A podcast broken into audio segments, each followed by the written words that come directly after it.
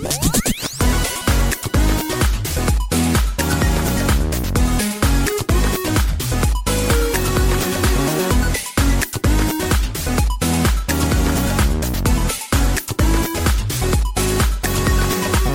Er rett rundt hjørnet, og episode 346 av Lolbua er nå ferdig innspilt og klar til at du kan lytte på den. Det ble en veldig bra episode, om jeg må si det sjøl, ikke sant, Lars? Veldig bra. Mye, mye spøk, og så snakka vi veldig mye fransk. Jeg skjønner ikke hvordan det skjedde. Ja, Det mange ikke vet, at vi spiller inn starten til slutt, sånn at vi liksom har kontekst, så vi ikke sier Så vi kan tease ting som kommer. Ja. Hva du syns om episoden, Mats? Jeg syns det var en solid episode. Jeg likte spesielt godt Lars' fremføring av eh, det første verset i Terry Vigen. Det var Ja. spot on. Og så syns jeg min egen innsats også var ok, men Lars sin hadde det, det lille ekstra. Det kan folk bare glede seg til. Vi konkurrerer nemlig med Ragequit eh, nå i forskjellige ting. Først har vi hatt en selfie-konkurranse. Den kan du se i vår discord og på Lolbua Entourage, som er vår fangruppe på Facebook. Eh, der vi har konkurrert hvem som tar de peneste selfiene. Eh, og nå denne uka så er det Terje Vigen-konkurranse. Hva, hva er det for noe, Mats? Nei, altså, det var en eh, Dag Thomas eh, som ble uh, utfordra av Ståle til å komme opp med ei utfordring, og da ramla bare Terje Vigen ut.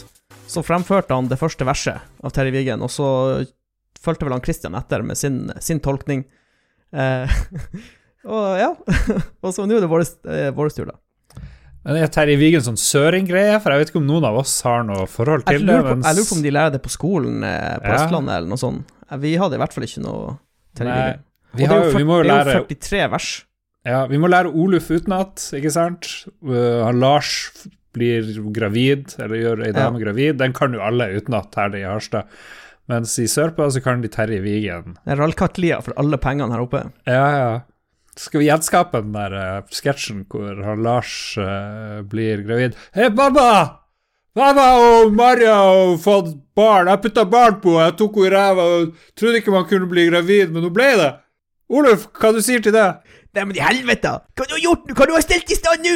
Jeg ble på heroin, og så tok jeg ræva. Skulle egentlig gjøre henne gravid. Skulle ta henne i, i musa. Ble ræva. Neimen, for i satan i helvete, for guds skyld! Vi har ikke råd til dette!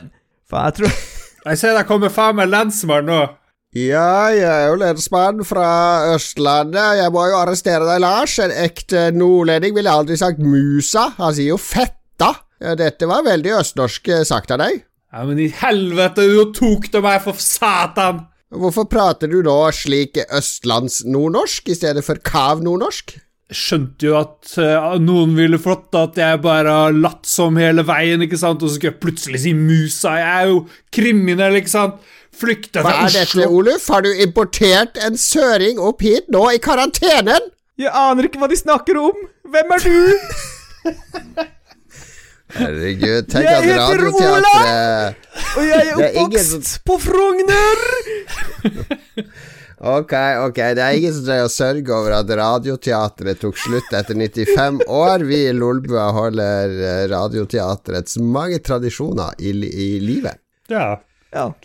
absolutt. Det var bra, bra manus. Ja, tok uventa turns, den der. Ja. ja, vi får vel komme i gang med episoden. Hva har vi gjort og tenkt siden sist? Ja, så nå er vi Ja. ikke på der hvor vi i ettertid Nå er hva som skjedde i vi er episoden. vi er Lars. Du må henge med her. Nei, nå, vi har klippet smooth inn så ikke lytterne merker det, men nå ødela du hele det. Tore, han Tore Valiante har klippet så smooth inn at Valiante. overgangen var helt knirkefri. Eh, bortsett fra Lars saboterte. Men sånn er det. Beklager, Tore. Fort gjort. Hvor, hvor var vi? Hva du prøvde å komme frem til? Nei, det er, det, hva, hva er det som skjer i starten av hver episode, Lars? Jo, det er hva har vi gjort eller tenkt siden sist. Og hva er det du har gjort og tenkt siden sist? Uh, Sist hadde du eh, vært på samisk teater og blodpølse og, Ja, ja, ja. og, for opp i Karra Kautokeino. Kauto. Uh, Ja, stemmer det. Stemmer det. Hva du vil vite nå? nå har du reist hjem. Ja. Kom i går. Ja. Kom i går. eh, fra 30 minus til pluss to grader. Det er, det er litt sånn Det er litt weak. Været i Harstad er litt weak. Ja, det, det første du gjorde, var liksom å ta av deg de fem lagene med klærne du hadde på deg, for å ikke levna. bli for svett? Jeg skjønte at det kom til å bli litt sånn rolig vær, så jeg levna den nye kule dunjakken min oppi Kautokeino. For det, ingen trenger en huge dunjakke i Harstad, egentlig, tror jeg. Ja, jeg er, jeg er litt spent på hvordan du kom deg fra flyplassen og hjem, for halve innspillingstida på Spillrevyen i går gikk jo med til at du satt i telefonen og prøvde å bestille flytaxi. Ja, men det å reise fra indre Finnmark til Harstad er jo er omfattende. Så både det å bestille flytaxi i Harstad, det var nesten umulig. Jeg måtte vente til klokka 11 på morgenen, eller til 11.05 før jeg kunne bestille flytaxi. Det var ikke mulig å gjøre det online. Du måtte liksom vente til sentralbordet var åpent, og hva er det som skjer i denne byen vår? Ganske primitive greier. Det er det. det er det. Men til gjengjeld så kan vi være mer enn to på besøk. For det har jo jeg fulgt Ja, med på i dag. Ja. I Oslo der har alle det bra, bortsett fra at de alle må sitte hjemme. Eh, og ingen kan ta drosje fordi ingen tør å gå ut. Det er kjedelig. Ja, nei, Jeg ja, vi har det ikke så sympatiserer. bra. Jeg sympatiserer. Jeg hørte den der pressekonferansen i dag. Uh, mandag, uh, Oslo-tiltak. Kun to gjester. Kun to gjester. Da begynner det Ja, å vi, bli gjester, vi har ikke gjester uansett, så det har vi ikke hatt på fem måneder.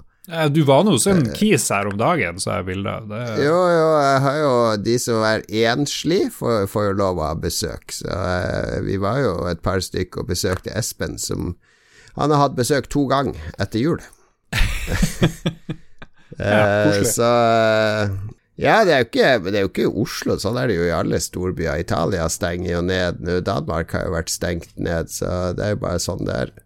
Men det begynner å bli litt sånn The Shining, altså begynner å gå litt på veggene. I dag eh, I dag utbasunerte jeg mot en kompis fordi han liksom eh, skulle begynne å moralisere over hva man skulle gjøre og ikke gjøre. Altså, jeg føler at så lenge alle gjør sitt beste, så trenger man ikke å detaljstyre eh, p- eh, alt med sånn politihåndheving. Jeg Det bare forventer at folk gjør sitt beste oppi det her, og tar ansvar sjøl. Skal vi røpe at det var Magnus Tellefsen som eh, du røyk i clinch med her i dag?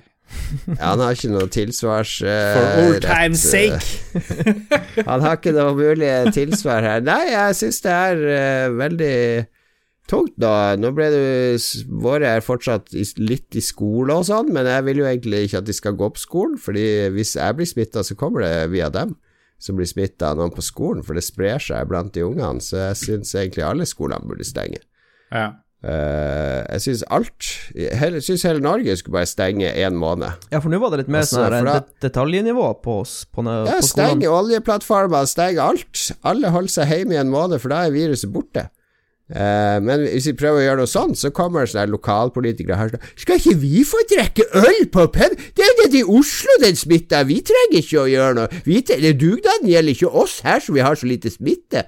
Det, du ser det skyldes der på kommer den sanne dugnadsånden fram. Men det er jo masse idioter over hele landet der, la oss ikke være så Ja, det, det er jo det, men uh, det er uh, vi i Oslo som får gjennomgå hele tida, så får vi bare kjeft hele tida. Så ler folk av oss i Oslo, og så eh, Ja, det, akkurat nå er det litt sårt. Jeg er litt sånn lei av alt. Jeg er lei av å lage podkast, jeg er lei av å spille spill, jeg er lei av å se på TV.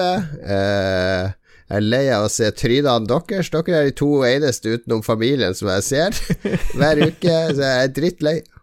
Drittlei alt. Det er ikke bra. Det er Ja. ikke bra. Så bare gled deg til anbefalingsspalten. Der skal jeg anbefale selvmord. Ja, vi må jo klare å få opp litt stemning her, folkens. Ja. Jeg er sikker på at vi skal klare å få opp litt stemning, men uh, Ja, men jeg har kjipt. ingenting å snakke om hver uke, fordi det skjer ingenting. Jeg har ingenting å dele. Jeg har ikke vært på noe teater, jeg har ikke reist på plattform, jeg har ikke vært på sykkeltur, jeg har ikke vært på fest, jeg har ikke laga blodpølse. Jeg gjør akkurat det samme hver jævla dag. Og det, Ja. det, Det Alt er bare en grøt. Du begynner, du er Ja, begynner, day. du, alt, å er sette bare deg en inn i eneste uh, graut. ja. Ja, Og jeg har ikke lyst til å dele noe. Ja, Jeg har ikke lyst til Jeg Ja. føler jeg bare gjør folk deprimert av å dele ting. men kan vi lære noe av Groundhog Day? For der er han jo deprimert ganske Han prøver jo å drepe seg sjøl kanskje et par tusen ganger før han gir opp, men det kan vi jo ikke gjøre i virkelig livet. Men så så, så finner han ut at han skal Jeg vet ikke, lære isskulptur. Jeg tror vi har mye å lære av Groundhog Day her. Så hvis det begynner å bli kaldt i Oslo, Kan begynne å lage isskulptur- isskulpturer, en for. Ja, det er kaldt. Det kom en halvmeter med snø som ikke akkurat gjorde ting bedre, fordi før når jeg kunne gå ut og sparke fotball med ungene eller kaste frisbee, nå er det bare sånn her snø og is overalt, så det går ikke an å gjøre en dritt ute. Hmm. Så alt er dritt. Det er det som har skjedd siden sist. Nå er vi der igjen, hvor eh, Cato Ja, begynner altså, å bli altså deprimert. En annen ting som har begynt å skje, er at uh, når jeg ser sånn her film eller sted, fra andre steder i Norge der folk sitter på pub eller kan samles og andre ting, så blir jeg dritsur. Jeg blir, fordi det er det, er noe, det var en sykepleier, intensivsykepleier som intervjua i Morgenbladet på fredag, som sa sånn, Hun bor i Oslo, ikke sant? Hun sa 'Jeg har glemt åssen det er å leve normalt'. Altså For meg så er det bare Det er sånn der eh, Sånn, sånn levde vi i gamle dager. Sånn var det mulig å gjøre i gamle dager. Å Ja, gå og ta seg en øl. times. Eller gå på kino. Men Eller hvor- gå i en butikk. Bare det å gå i en butikk Alle butikker i Oslo har vært stengt nå i halvannen måned. Det er kun matbutikker som er åpne. Og Dette, det er jo nesten som liksom Som i apokalypsen, når folk sitter rundt et bål og forteller hvor fint det var før, når sivilisasjonen eksisterte. Det er liksom Det er litt Jo, men det er som sånn. For oss i Oslo er det sånn. Og så er det sånn Sier Lars jeg får litt sånn skadefro og sånn, og da blir jeg sånn dritsur at det bare Du får faen meg spille inn episoden her alene. Det, jeg gidder ikke. Jeg Ja, orker jeg ikke sa ikke at det var sånn. Jeg ble jo glad. Det var Mats som sa det var skadefro. Jeg sier jo jeg er glad Ja, ja. at jeg ikke bor i Oslo. Det er jo noe helt annet. Det er jo det. Ja, ja, det er greit. Men jeg blir, jeg blir misunnelig på alle som kan leve relativt normalt. Ja, nå er det sånn at vi har hjemmekontor på jobben, og litt sånn, men det er ikke det. Vi kan jo ha besøk av mer enn to, da. Men jeg tror ikke de anbefaler mer enn fem, liksom. Er Ja, så tror kinoen åpen hos dere? Kan du gå på pub? Er butikkene åpne? Kan du gå inn Jo, i en bokbutikk og se på du- bøker? Du kan gjøre mye av det i Nord-Norge, men, men det er mange som ikke gjør det. Altså, det er, det er mange som holder seg godt i skinnet her, vil jeg si. Så kanskje i, i slags sympati Ja, men med det- resten av Det, du kan si uh, vi, uh, Hvis du sitter i fengsel òg, så uh, Men det er jo som å sitte i Altså, det er Vi- frihetsberøvelse, Vi, ikke sant? vi lider sammen med Nelson Mandela i Nord-Norge. Nei, men vi, det, er, det er en frihetsberøvelse fordi du har valget. Ja. Og du, Jo, jeg- du kan selvfølgelig jeg velge å si jeg vil gjerne redusere nærkontakter og alt mulig sånn. Det hadde kanskje jeg òg gjort, men valget er der. Mm. Hvis du, Ja. hvis du trenger det, så kan du dra til en butikk. Sånn som vi, vi har lys som er gått på badet. Eh, vi, vi kan ikke kjøpe nytt lysrør, for jeg klarer ikke å finne ut hvordan det er, for jeg må ta med meg det lysrøret til butikken og få et som er tilsvarende. Jeg klarer ikke å skjønne på nettet hvordan det er. Så vi er uten lys på badet nå, fordi at det ikke går an å besøke en butikk og få de til å se på lysrør og finne et tilsvarende. Det er apokalypsen. Jeg kan jo si at eh, kinoen er stengt i hvert fall til torsdag, men uh, det kommer vel nye tiltak på onsdag, tror jeg. Så de, kanskje de som preemptively, så håper de de skal åpne Ja. kinoen. Men eh, det er jo ikke noe ja, som sagt, det blir ikke noen gode episoder med meg så lenge det er sånn her i Oslo, så jeg tror vi bare legger ned hele Patrion og Lolbua og alt eh, inntil videre. Jeg, har, jeg kommer ikke til å ha noe å dele før det her er over. Ja, nei, jeg skjønner. Jeg tror vi må heller bare skyve deg inn i noe sånn heroinrus. Vi må bare pumpe deg full av drugs. send noe drugs. Ja, jeg tror det er bedre. Jubidø. Men vi har jo spilt noe siden sist, og vi har jo gjort noe siden sist. Jeg ser jo, Du har jo sett en film, eh, Jon Cato? Er det det? Ja Eller er det en film? The Shining? Er det musikk? Er det film? Er Jeg tror han tenker det mer på Shining er fordi jeg føler meg som, Sånn som Jack Nicholson oppe Ah. på det slottet der. Ok, Jeg driver og fantaserer om at jeg er i en bar med en bartender. Jeg driver og eh, Familie begynner å gå meg på nerver fordi vi lever oppå hverandre hele tida, det er liksom ingenting eh, eh, alt, alt er eh, Ja. Nei, det er, det er litt sånn eh, The Shining-stemning i her. Ok. Nei, men det har du tenkt på siden sist. Men du har nå spilt jævlig mye serier, men det kan vi jo ta senere. Mats, hva har du gjort? Uh, jeg har gjort en, uh, en ganske sånn normal aktivitet som han Jon sikkert han- hadde elska å vært med på det, for det hadde vært en normal aktivitet. Jeg har hjulpet en kamerat med å flytte, så vi har båret Ja, det hadde vært topp å delta på. Så vi, vi vi bærte masse esker og møbler og stæsj i går. Flytt inn i varebil, kjøre varebilen bort til det nye huset, og løfte det ut av varebilen og inn i det nye huset. Og så tilbake til det gamle huset, og løfte ting inn i varebilen og kjøre det til det nye huset, og bære det ut. Og så kan du gange dette med ni, cirka. Ja. Så, Men ja. korona er ille, men liksom hvis du samler korona til en liten klump, så tror jeg du får en flyttedag. Eller liksom Det å måtte bære masse esker og kjøleskap og liksom En sånn slags dugnad. Ja, en slags dugnad. Det det er veldig koselig, men det er litt sånn herre øh, Herregud, hva er det her Ja. for noe? I hvert fall før du gjør det. det er en ganske kjip opplevelse strekt utover veldig lang tid. Ja, Ja. Men liksom det å flytte fra Alta til Harstad, det, var, det er ikke noe gøy. Det er ikke noe gøy å finne Ja, alle tingene dine. jeg tulla jo med at eh, jeg var jo veldig glad for at han Simen eh, bare flytta én kilometer, og ikke til Narvik, liksom. For det hadde jo vært megatrasig å kjøre flyttelasset så langt. Så Mm. du, Lars, du får ikke lov til å flytte til Finnmark. Eller da blir jeg ikke å hjelpe deg å flytte. Det gidder jeg ikke. Sorry. Eh, Er det ikke flyttebyrå og sånn i Harstad? Jo, men vi er så gjerrige, vet du. Det er jo ingen som er, Alle er jo fattige i Harstad, Jon Cato, du vet jo det. Oslo har vi noe som heter Medarbeiderne. Det er sånn tidligere rusmisbrukere som eh, kommer og hjelper til med sånne ting. Det er ganske rimelig, og så er det, det er bra å, å ha- gi sånne folk jobb. Ja. Jo, jeg er enig. Um, hvordan klarer Nei, nei, jeg skal ikke snakke mer om korona. Ok, du har båret masse. Jeg var ikke med fordi jeg var på tur fra ja du var in Finnmark. transit. Jeg var in transit. Du var ganske Eh. heldig med, med timinga, Lars. Jeg var det, og det jeg gjorde på mens jeg fløy eh, i går, det var å sitte og hoste i maska mi på flyet fordi jeg ble så jævlig tørr i halsen. Nå er det jo sånn at det har ikke vært smitte i Kautokeino siden september, så jeg er ganske sånn 100 sikker på at jeg var ikke smitta da jeg for derfra, i hvert fall. Men jeg tror ganske mange ble skremt som satt ved siden av meg. For det var litt sånn der, du er sånn der hoste, du bare faen heller, det er et eller annet. Jeg må liksom hoste en del for at ting skal bli bra. Sånn var det på flyet, og det, jeg tror jeg har fått noia hvis jeg hadde sittet ved siden av meg der. Og så var det sikkert sånn lite Widerøe-fly, hvor alle Yep. sitter eh, veldig nært hverandre. Stemmer det? Ja.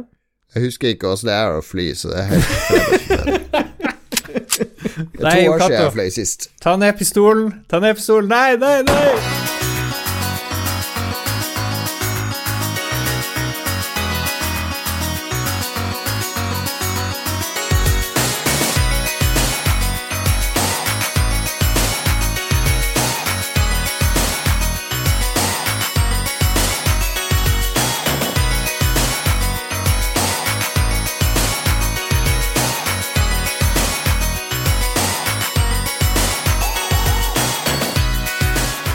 Hva har vi spilt siden sist? er neste spalte.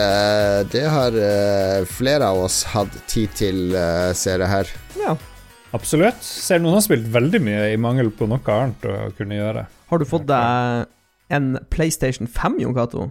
Ja, det må jeg nesten nevne. At uh, som vanlig så tar jeg ansvar uh, i Lolbua, og så tok jeg kontakt med Etter å ha prøvd mange ganger å kjøpe, så tok jeg endelig kontakt med Nordisk Film og sa kan vi være så snill å få kjøpe to PlayStation 5 hos dere, fordi jeg orker ikke å stå i de lotteriene til Elkjøp, eller drive og installere Distill i nettleseren. Jeg har ikke tid å sitte på jobb og liksom slippe alt når en sånn herre eh, bot sier ifra til meg at nå har du ti sekunder på deg til å bestille en maskin på Coop eller whatever.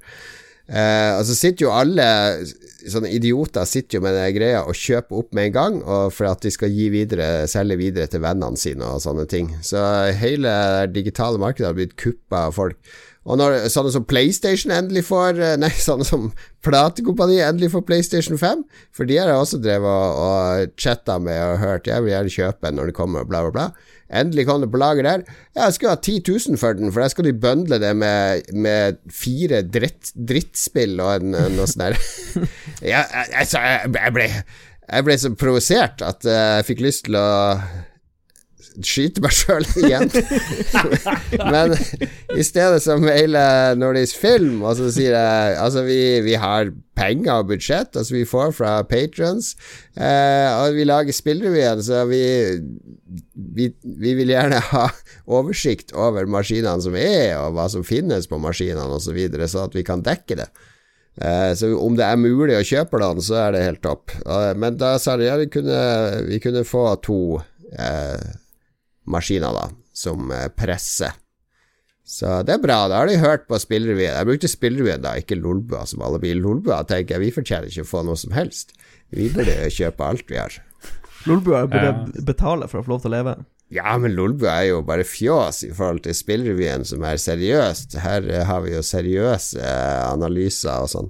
Spill, Spillrevyen er liksom unge nummer to som ble oppdratt riktig, og er på tur til, sko til Ja, universitetet og får er eh, skikkelig utdannelse. vidunderbarnet og- vårt. Vi har gitt opp den eldre som har begynt å røyke hasj og sånn. Det, det, han, eh, han har havna på skråplanet. Men barn nummer to, det får kjærlighet og oppmerksomhet.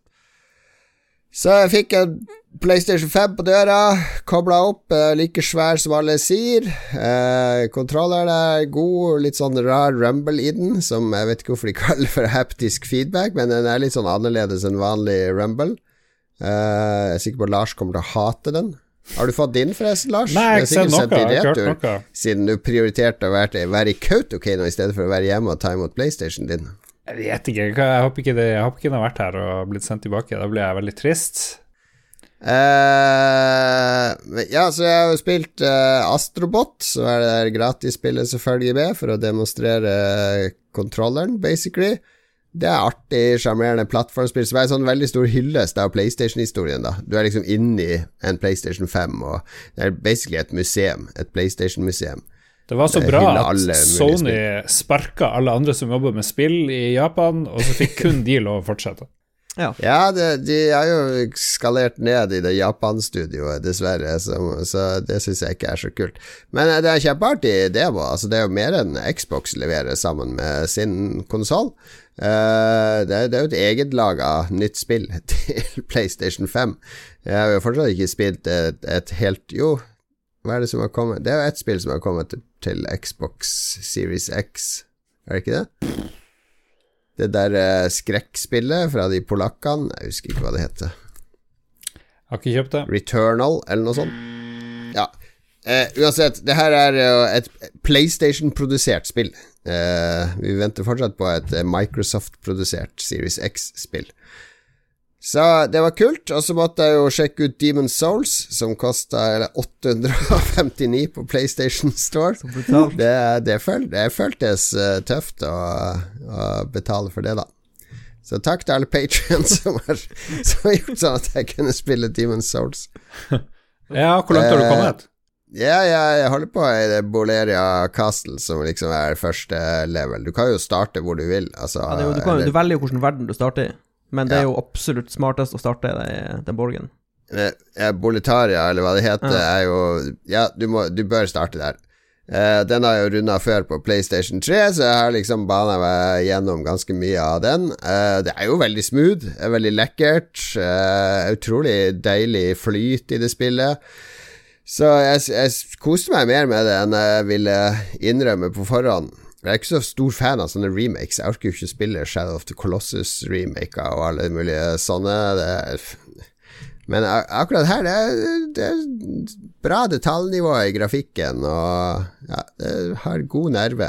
God, Fungerer bra. Ja, og så er det vel litt sånn her eh, quality of life-greier òg, tror jeg. De har liksom s- Ja, det er noen eh, sånne småting som du merker ut. de har forbedra. Kan du koble uh, PlayStation 5 til din mega-widescreen-monitor? Er det mulig? Ja, men det blir ikke megawidescreen da, det blir bare Ah. 1440P. Ja. 560 1440. Så jeg kjører jo på 4K og HDR på, på min TV i stua. Jeg har ikke 120 frames på den TV-en, da, så jeg er jo begrensa av 60 frames. Men det, på konsoll holder det, og på sånn stor TV-skjerm, så går det greit. Jeg kommer ikke til å spille Tarkov og sånn på den, så Ja, det er greit med sånn, sing sånn singleplayerspill, sånn RPG og sånn, går jo fint i 60 FPS. Det er ikke noe ja. For jeg, jeg husker, ja, dere snakka jo om det her for så vidt for et par episoder siden, jeg var på jobb. Uh, og jeg, jeg er helt enig med dere at når du spiller sånn singleplayerspill, det er ingen som trenger 240 FPS, men dere glemte å snakke om uh, kompetitive multiplayer FPS-spill. Da, da har det faktisk noe å si. Det er vitenskapelig bevist. Jo flere frames du har, jo bedre spiller du. Sånn er det bare. Det er lettere å sikte. Det er mindre input latency og sånn. ja, men hvis alle har 60 frames, så er det jo den beste som vinner. Da hadde jeg likt. Ja. Så hvis du hadde begrensa det, så Men bare sånn eh, litt sidespor, da. Men ja. Klarer vi å finne Ja, ja, ja. noe som kan få Mats til å, å få lyst på PlayStation 5 og Demon Souls? Du Ja, hadde vel det- egentlig ikke tenkt å kjøpe det? Det er jo Nja, jeg kommer til å kjøpe en PlayStation 5, men jeg har, jeg har ikke noe hastverk med å kjøpe en PlayStation 5. Uh, ja, jeg har lyst til å spille Demon Souls, men er som, som Yokato sier, jeg har ikke lyst til å sitte og passe på som en hauk for å kanskje få kjøpe en PlayStation 5. Det Jeg venter til Ja, jeg men jeg tror det løsner bra nå etter påske. Da tror jeg det er presset ja, når, jeg kan, når jeg kan labbe inn på Elkjøp og plukke opp ei eske, så kjøper jeg en På PlayStation 5. Elkjøp? Ja, eller bestille på eh, komplett.no, Er eller Elkjøp åpent? Ja, jeg glemmer at det er Ja, åpent. det er åpent, det er åpent. Man kan dra på Jeg kan gå inn på Elkjøp. Ja. Ja, hvis det var Elkjøp så må vi bestille på forhånd, og så stå i bil utenfor ei sånn bilkø, og så kommer det en maskert Og send en, mann og send en setter en faks til uh, supportavdelinga. Oh. Ja, ja. Men uh, det var PlayStation 5. var gøy å endelig få teste. Den Kontrolleren er eh, ganske fiffige, de her uh, buttonene og sånn. Litt, litt sånn opphypa, kanskje. Det er det. Ja, Og, uh, Kjenner jeg blir er provosert ikke- allerede av de knappene. Du har ikke testa det. Men det er eh, Per nå så vil jeg jo si at Xbox eh, og de er ganske likestilte. Så får vi heller se hvordan GamePass utvikler seg. Og jeg gleder meg jo veldig til uh, Housemarky-spillet kommer i april eller mai. Eh, jeg elsker jo det finske Housemarky. Se åssen det spillet blir. Ja.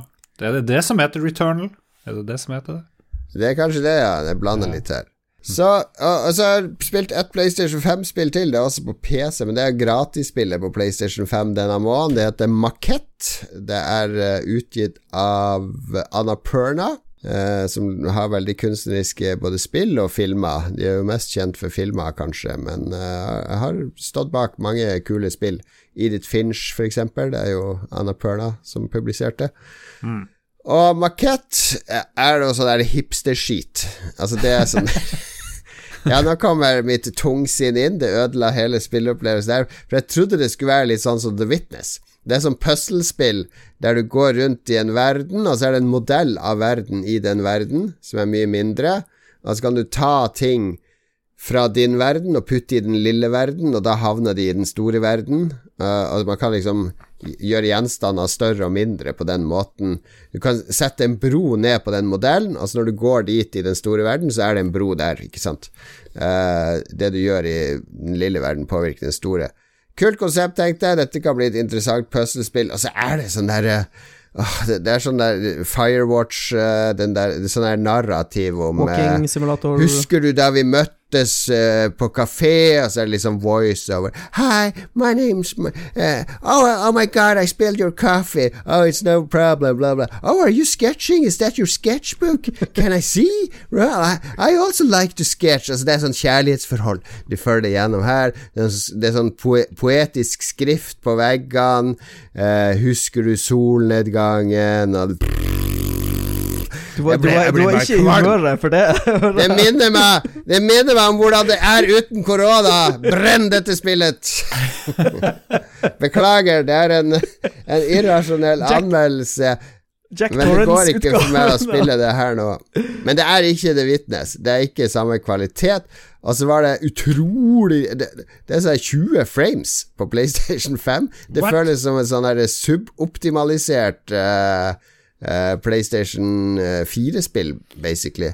Så jeg ble helt Ja. sjokkert over hvor dårlig framerate det var på det spillet. Men jeg tror det er sammenheng mellom kunstspill og andre kunstsjangre, fordi kunstfilm trenger ikke være bra i det hele tatt. Lys kan være elendig, frames, skuespill kan være elendig, så lenge det er kunst og litt sånn Det er visuelt pent, og så har det et kult soundtrack, for det bruker sånn ordentlige låter fra 60- og 70-tallet med synging i, sånn, som er veldig effektivt. Det er ikke så ofte du har sånn tradisjonell popmusikk og, og, og, og sånn med sang i, i dataspill. Det er litt som i Death Stranding. Du husker når du kommer ned fjellet i starten her, så begynner det en låt, og så er det synging av det islandske bandet. Det blir litt sånn magisk stemning av det.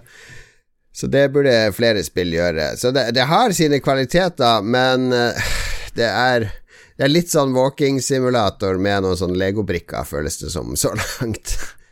Ja, jeg så at anmelderen i Gamer var det, fikk kjempemye pass fordi han skrev at det var litt sånn mye fetch quests, og så var det ting han ikke forsto, og så ble han jo erklært som idiot av alle i kommentarfeltet.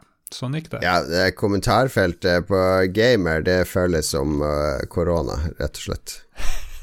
Alt er korona. Det, det er så toxic der. Det, de, er, eh, de er så ute etter å ta folk hele tida det, det er en uting som er generelt. Hvis du går på, Ja, ja, hvis du går på ja, ja. Reddit til Hvis du finner subredden til et spesifikt spill, så Det er så toxic. Det er stort sett bare de negative stemmene som høres, dessverre. Ja. Og det, Jeg husker når jeg skrev eh, anmeldelser på spill.no, sånn, så brukte jeg alltid å legge inn en sånn bitte liten faktafeil. Si at det var sånn elleve våpen i stedet for ti, eller, eller noe sånn helt irrelevant. Skrive Bytte om på navnet på et land eller en by eller et eller annet. Bare for at sånne eh, haters skulle påpeke ja, du har ikke spilt det ordentlig, for da hadde du visst at det var tolv våpen. det var sånn. Det var bare for å gi dem sånn easy ammunisjon. Ja, de kommer krevende opp. Um, ja, sånn eh, Jeg bare sidespormesteren i dag, men eh, jeg, tr- eh, vi snakka om et spill tidligere til Xbox Series X. Jeg tror det heter The Medium, det der horror... Ja, ja, ja, ja, ja, det, er, ja. det, det tror jeg kun til Series X. Ja, og PC. Men ja, på Det konsollene så er det bare Alt er til Det var de som lagde The Witness, var det? Nei, det Nei, de det er de som lagde Blair Witch. pol, Ah. pol, polske Ja, studioer. nei, da aner jeg ingenting hva det er som skjer. Nei, men da, Du har ikke spilt spill siden 2020, så det er ikke, du henger jo ikke med. Jeg har spilt veldig lite siden 20-årsskiftet. jeg har spilt et nytt spill. Wow!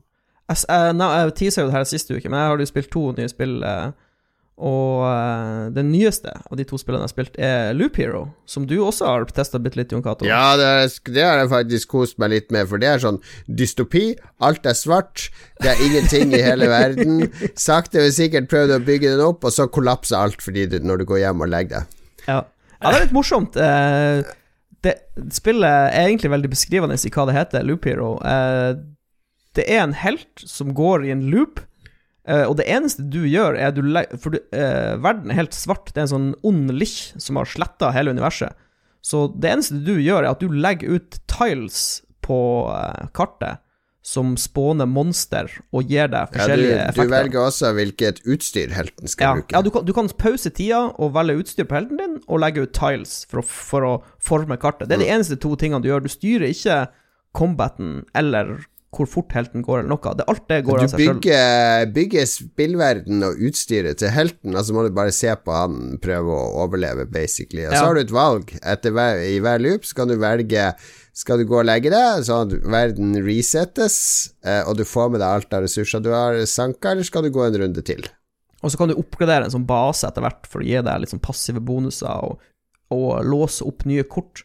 For du får sånne du får, ei- du får kort på handa di som bestemmer hvilke tiles du kan sette ned. Om du skal bygge fjell, bygge skog, sette ut et sånt tårn eller eh, Et vampyrhus. vampyrhus og, og sånne ting. Det er ganske morsom Og så eh, spiller tilesene på lag med hverandre, da, så de gir sånn komboer hvis du plasserer de attmed hverandre, for ja.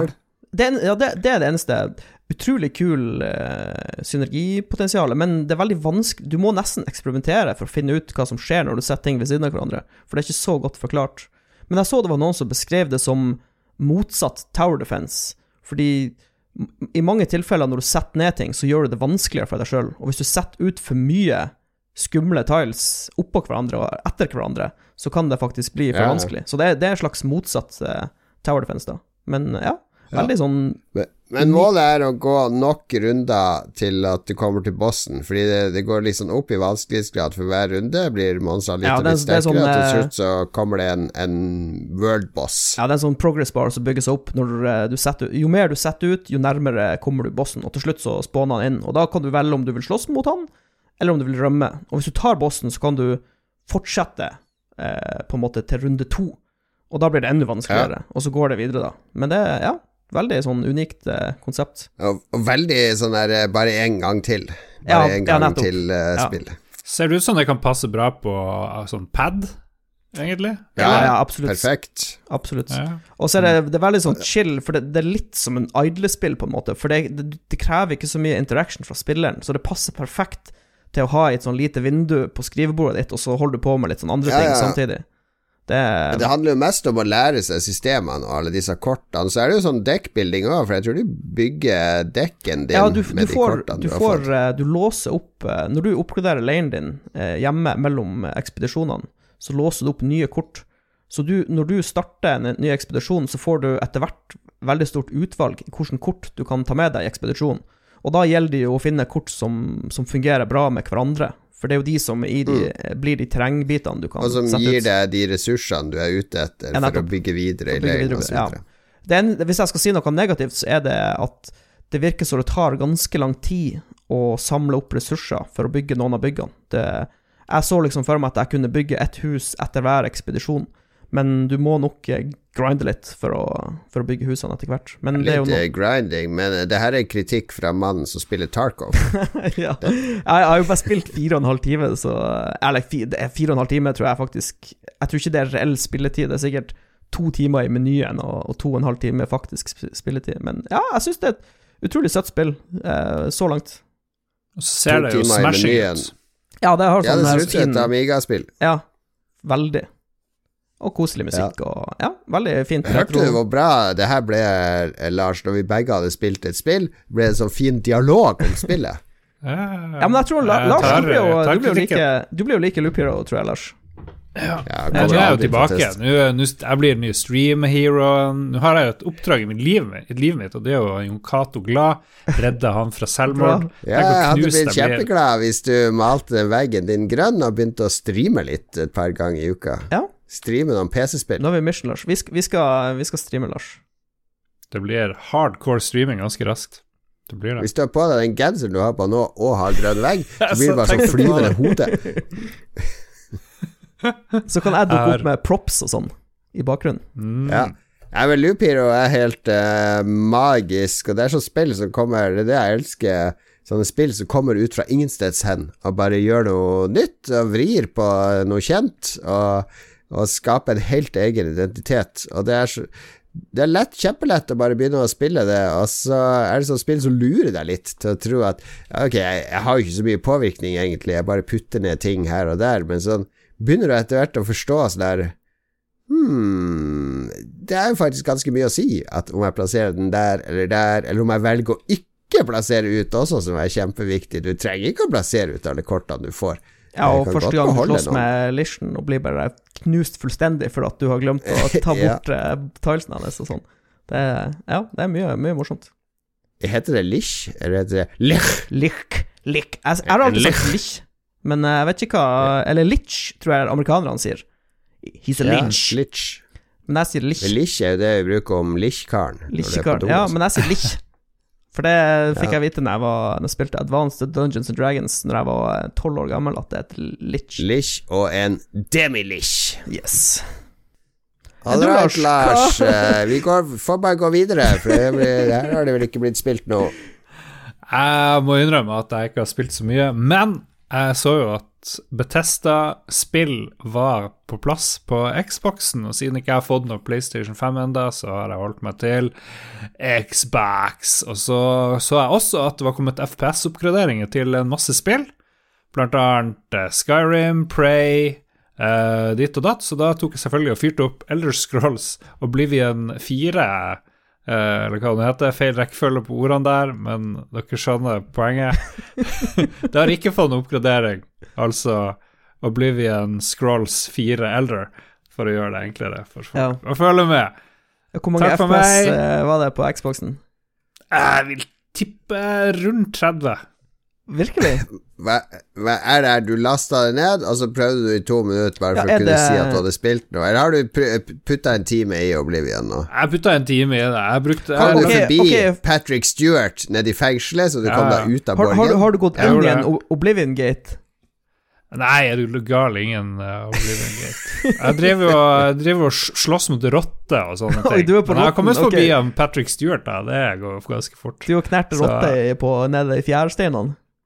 Eh, jeg har smasha en goblin, par goblins. eh, Har og så har jeg fylt Jeg har fylt inventoryen sånn at jeg har blitt en cumbra fordi jeg har putta på en øks eh, som veier 60 pund, eller hva det nå er. Ja, to, i tungvekt. Uh. All right. Heier jeg fort Du vet meg. at uh, den nye regelen min er jo at Patron-pengene blir fordelt etter hvor mye spill man bidrar med i denne spalten. Så det var fire fra meg, ett fra Mats og ett fra Lars. Du hadde ett til, Mats, hadde du ikke det, på lur? Uh, ja, nei, egentlig ikke. Det var Nei, jeg, jeg, jeg hadde spilt to spill, og så var det ett spill forrige uke og ett spill denne uka. Men lurer dere men ikke jeg har på spilt hvordan eh, Jeg har, jeg har selvfølgelig spilt uh, Inside, uh, som er Ja, det kommer vi til nå. Hva, Men men unnskyld meg. Lars hadde noe her. ja, ja, ja. Jeg har jo masse, masse erfaring å komme med fra Elder Scrolls. Uh, Ja, det lenge siden dere har spilt nummer fire? Ja, For det, det- er ganske lenge siden. Det jeg tenkte da jeg kjørte opp på, var Oi, er det her samme engine som Fallout 4 og, og Skyrim? For det er det jo egentlig. Det er liksom ikke de kjempestore forskjellene. Hver gang du går og trykker på en fyr, så zoomer kameraet inn sånn weird på trynet til de andre, og så Ja, går de rundt og Det er samme skuespillerne, høres det ut som, bortsett fra at han Patrick Stewart er vel ikke med i Skyrim, er han det? Nei, han er ikke det. Få Nei, flere, er, nå er det bra innsikt. Få mer innsikt der, da. Ja, ja. Eh, jeg vil si at uh, det å måtte equippe både pile og bue på karakteren din før du får lov å bruke den, utrolig irriterende. Du kan liksom ikke bare plukke er bua. som i Dark Souls og Demon Souls, så nå slakta Ja. du de i samme slengen. Um, ja, men det Og så er det sånn eh, shortcuts. Uh, det er åtte åtteretnings shortcuts på uh, den der uh, digitalpaden, og det er totalt useless. Det er, det er kun realistisk å bruke fire. Eh, nord, sør, øst og vest og sånne ting. Det vil jeg påstå. Ja. Og så syns jeg at eh, character creation, noe av det mest festlige jeg har sett, de styggeste karakterene, Ja, du uansett hva du gjør. Magisk stygge personer i Oblivion. Det er helt sjukt. Alle er sånn her runde i kjakene og eh, har sånn rar hudfarge. Litt sånn grønn-lilla hudfarge uansett hva de gjør. Ja. Nei, jeg, jeg har ikke spilt så jævlig mye, men det er litt sånn artig at ting er sånn 4-3. Det er liksom ikke tilpassa 16-9, virker det som, i det hele tatt. Og så kommer det Ja. Xbox 360-intro, og det er Er, utrolig er, det, er det bare helt emulert? Det er ikke noe ma Tror ikke det er noe ekstra. eller- Nei. Nei da, nei da. There is nothing. Nei, jeg husker jeg spilte um, Sånn apropos uh, Oblivion Det var noen tyskere som lagde en sånn total conversion-mod som heter Nerim, som er utrolig bra. Men det Ah. går jo ikke an å spille på Xbox. Da må du ha det på PC. Ja. Men fullførte dere uh, Ja da, jeg Elder 4? Jeg har spilt gjennom uh, Oblivion. Det er utrolig Det er et av de svakere Elderskroll-spillene. Ja. ja, for jeg lurte på er det noe vits å bruke masse tid på det, egentlig. Skyrim og Morrowind er flere hakk over Oblivion, vil jeg si. Ja, Morrowind er der, men det er jo til jeg vet ikke, gammel PC-versjon, eller jeg vet ikke, det så helt grusomt Nei, det var på konsoller òg, tror jeg. Original Xbox, kanskje? Morrowind Ja, det det var på Eventuelt kan du gå for Elder Scrolls Online, som faktisk ikke er så verst. Eh, Det lever i beste velgående og har masse mm. nytt content. Ja, kanskje man skal gjøre det. Ja, ja, beklager, men jeg syns det var litt Jeg syns jo det er artig å fyre i gang gamle Det, eh, spill på sånn, si sånn- superhardware. Det beste med Ellers Scrolls 4 Oblivion er soundtracket. Det er dritbra. Jeremy, Jeremy Soul er en flink fyr. Ja. Ja, han er jo cancela nå, jeg kjenner. Er han det? Uff, det er jo ikke bra. Ja, han har har tafsa. No Goodbye. Tafsa. Så du må, må mute musikken når du spiller videre, Lars. Uh, please. Nei, for siste nytt om 15 år gamle spill, folkens. Hør på Lolbua. Jeg kom hjem i går kveld, OK? Jesus. Men du råker også Exit 2. Ja, det gjør jeg. Ja. Ja, ja. Arrestert. Prioriteringer.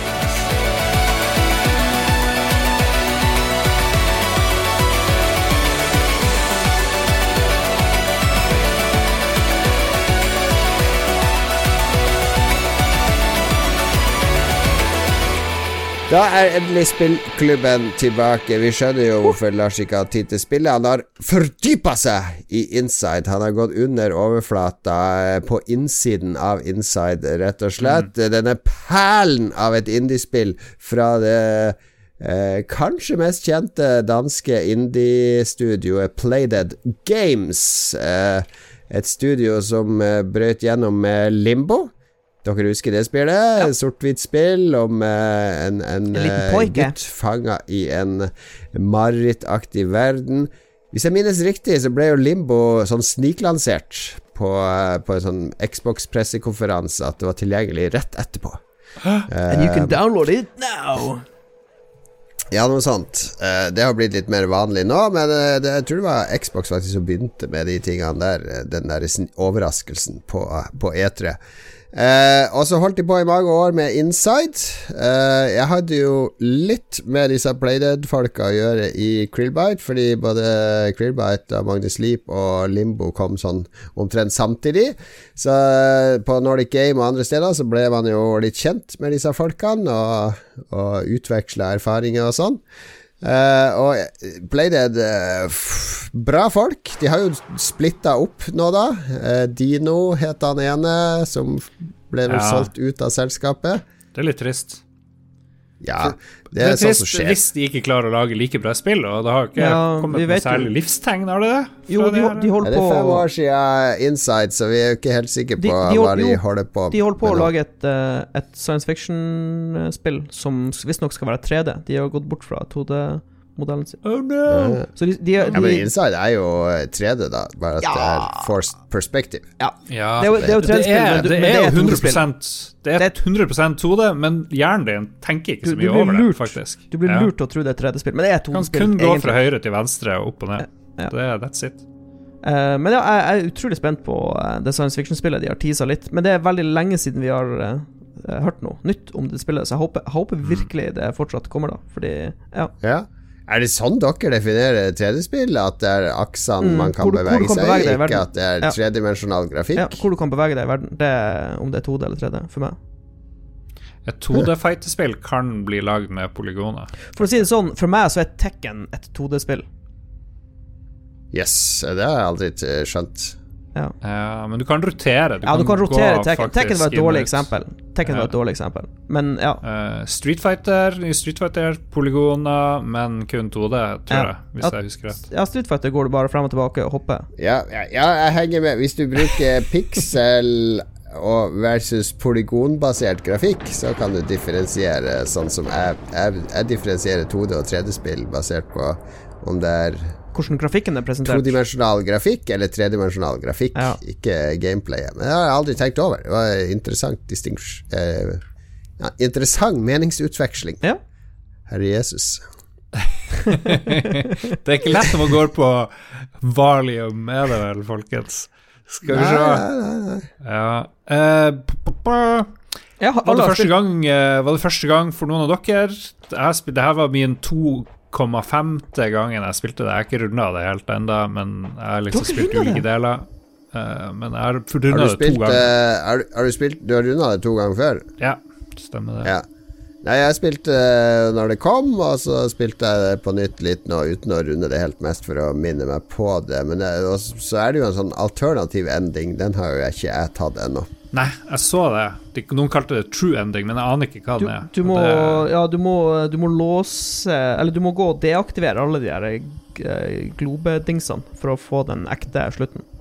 Så jeg, jeg juksa og gikk på YouTube, for eh, jeg, jeg prøvde genuint å finne alle. For jeg spilte spilt, Første gang jeg spilte inn, så det var på PlayStation, eh, og nå spilte jeg gjennom det på PC. Og så tenkte jeg sånn Nå skal jeg finne alle de her dingsene.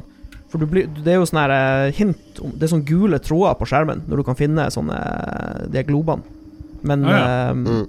men jeg klarte ikke å finne alle, så krøp jeg bare til korset og gikk på YouTube og så, Ja. så videoen om slutten. Men, Men, men vet du men ikke hva nå jeg spilte litt nå? sånn- Ja, Ja, jeg vil bare si at det her er ikke et for spill hvor du skal drive og lete etter hemmeligheter, syns jeg. Synes bare det blir Det er egentlig bare dust, En- en- for det her en- er jo en opplevelse uten like, det er jo sånn Ja, men nå, reise. kan, nå er vi for langt inn i essensen her. Fordi nå sitter lyttere og hører på De har ikke vært med, de har ikke spilt Inside. De skjønner jo ingenting. Hva er Inside for noe, Lars?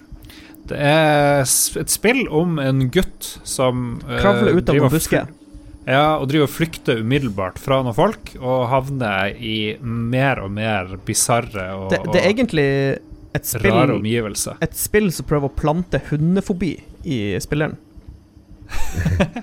Ja, men du, du, du oppdager nye eh, mekanikker, nye omgivelser, nye, nye jeg, vil, jeg vil si at jeg, jeg har ikke spilt et spill bortsett fra Journey som har gitt meg sånn her tilfredsstillelse. At det har, det har det, snakket i, til, til meg på en sånn helt unik måte som spill nesten aldri gjør. Hvor jeg tenker at fy faen, det her er nok kun spill kan gjøre på en sånn kunstnerisk måte. Det er liksom det nærmeste du kommer spillkunst. Ja, hva er det spillet sier til deg? Det er mer sånn følelser, da. Jeg blir bare litt sånn ettertenksom, og så styrer og ser på. Plutselig en stund så er det å svømme masse fisker. Jeg bare tenker Jesus, hvor kult det her er. Jeg driver ikke og jakter etter noen poeng, jeg driver ikke og skal drepe noen. Jeg er bare langt under vannet, og det er magisk musikk, og det er liksom kul animasjon, og alt er bare sånn der eh, Som noe kun spill kan gi deg. De er utrolig flinke å ha sånne dynamiske kameravinkler som fungerer dødsbra, eh, for å bare gi deg noe Mm. utrolig pent visuelt å se på. Det, det, er de, det er de flinke til gjennom hele spillet. Eh, ikke sånn irriterende kameraendringer, men sånn det bare gir deg kule opplevelser. Og så er det noe med fysikken og måten den gutten beveger seg Akkurat som i Journey igjen. Det er bare, det er bare utrolig deilig å hoppe rundt og bare være og eksistere der og skli Jeg- jeg ned langs um, sanda og fly litt og sånt. Jeg fikk akkurat samme følelse. Spillet var i ferd med å miste meg. Eh, ja, faktisk. Fordi eh, hvis jeg skal trekke dem i poeng på noe, så, så syns jeg de repeterer enkelte sånne her uh, puzzles eh, sånn, Det er noen sånne jaktscener som nesten er duplikert, blant annet med den der, hun der jenta i vannet med det lange håret som Ah, jager deg flere er ganger. Ja, men nå- jeg syns de, de brukte det litt for mye, for det skjer to, to og en halv gang, på en måte. Så jeg syns de skulle heller spart på ammoen litt, for å, for å miste litt effekten, eh, vil jeg si. Med at du liksom du lukker ei sånn dør uh, rett før hun kommer. det- det, det, det skjer det skjer to ganger. Ja. Det syns jeg var litt sånn yeah. Men uh, akkurat når de var i ferd med å miste meg, så kommer blobben, og det er så det er så sykt bra. Det er bare helt magisk. Det blir bare Det løfter bare spillet til et helt ny Ja, nytt nivå. Ja. The Thing. Ja, for hva er denne blobben på slutten? Ja, altså, du, du, du reiser jo gjennom et sånn superdystopisk samfunn, eh, hvor det åpenbart er noe sånn her Det er noen folk som blir samla opp i flokker, og så blir de eh, hjernevaska eller mindcontrolla eller et eller annet, og så på så kommer du lenger og lenger inn i, eh, i fiendeterritorium, og så til slutt så er du i noe sånn absurd, eh, gigastor eh, laboratoriebase. Og så har de en sånn her eh, merkelig blobb fanga i et akvarium, som er bare en sånn her masse med kroppsdeler og armer og bein eh, kobla til en sånn slags eh, navlestreng. Eh, og så havner du inn i akvariet med den tingen, og så bare blir du sugd inn i den, og så, og så styrer du en blobb. Du styrer bare en sånn svær blobb. Sånn Akira-blobb. Det er bare så dødsbra. Som krasjer ut av akvariet og bare springer amok rundt i basen. Det er bare Det er så sinnssykt, for de har tydeligvis um, For når du styrer gutten, så er det ganske Du, er rask å snu. Det føles som du styrer en sånn En rask liten figur, liksom. Og så Mm. endrer uh, eh, hvor treg du snur, og bevegelsen Alt er liksom tilpassa den blobben, så det føles som du styrer den blobben, med hvor du, hvordan du klatrer og hopper. og de har, Jeg tror de har brukt ganske mange timer på å perfeksjonere det. Og det, Sånne ting digger jeg. Sånne små detaljer er genialt. Ja, jeg, jeg tror ikke vi har snakka, jeg og du, Jon Cato, om liksom hvor mye lik du der spiller spillet, men jeg, jeg husker bare at uh, jeg, jeg drev sikkert og ville ha det her til å være Game of the Year eller et eller annet sånt. Et eller annet år. Jeg trodde det var 20, ha 2016. Du ville ha Dark Souls eller et eller annet, du, Cato, men Er det her du tror jeg skal huske sånt? Ja, ja. Jeg har jo spilt det før, så jeg har jo snakka om det før. Ja, det er jo da, jeg vet det, men jeg bare husker ikke hvor gira du var på det her, egentlig. Eh, jo da, jeg likte det veldig godt. Jeg liker eh, at det er ikke Det er ikke sånn enkelt eh, narrativ. Det er ikke så enkelt å skjønne hva spillet betyr. Det er kunstnerisk. Altså, bruke det liksom Det er bare det visuelle og lydene som forteller historien. Det er ikke en masse dialog og drit som jeg hater. Eh, så det er liksom Det kan bare oppleves som et spill. Du kunne sikkert laga det om til en tegnefilm eh, hvis du vil, men det, det, da går du glipp av noe essensielt, fordi det er den der kontrollen du har over figuren, og det er jo også noe som er sentralt i spillet, føler jeg, da, er at eh, det virker jo som denne, denne blobben på slutten eh, Den har jo Det er jo den som kontrollerer gutten, på et vis. Ja, det virker som det, Eh, det, det er flere teorier på nettet, og en av teoriene er at blobben har på en måte kalt gutten eh, inn i basen. Fordi det, det, det Ja. ikke noe mening at den gutten som blir jaga av hunder, og at han liksom beveger seg mer og mer inn i farlig territorium. Det er jo ikke det en liten gutt ville gjort, han ville jo prøvd å rømme og komme seg unna. Men Ja. denne gutten går jo inn i hjertet av, eh, av fienden sin base, på en måte. Ja, og han absorberes jo av den der blobben, og, og blobben rømmer, liksom. Mens i den ja, det, Men den alternative slutten, den har jeg bare sett på YouTube, da. Eh, men der den krever jo at du som spiller egentlig har kunnskap som du ikke får i spillet. Altså Du må vite at du skal slå av alle disse dataskjermene, eh, og da kommer du til et sånn alternativt område, og der får du lov å dra ut en sånn plugg til en sånn hjelm som henger der. Og når du drar ut den, så blir gutten til en zombie. Ja, han sånn går, han går ned den der eh, knelende eh, av-modusen, så de andre eh, Ja. hjernestyrte folkene i spillet gjør. Så Ja, og teorien der er jo at den slutten betyr jo at det er du som spiller som kontrollerer denne gutten. og nå har du hjulpet Du som spiller sitter på innsikt som gutten ikke har, og, der, og når du derfor hjelper han inn bak her, så plugger han ut uh, kontrolleren, og så får du ikke lov å kontrollere gutten lenger. Da blir han en del av spillet. Så det, det er en sånn metakommentar som jeg syns er litt uh, fiffig. Ja, men jeg liker det, det som også er litt kult, er at du kan Det er mye som kan tolkes. Og det er jo noen, som men, noen på nettet som mener at, uh, at det er en forsker også som har styrt gutten.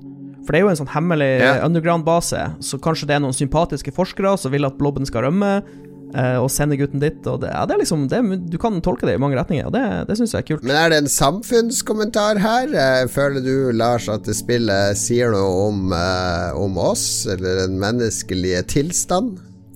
Det minner jo litt på det her mosaikk av og til, med at det er sånne droner og det er hjernedøde personer som går rundt, og det er litt sånn dystopisk, ikke sant, alt det der, så man kan jo tenke at det er en kritikk av det moderne samfunnet osv.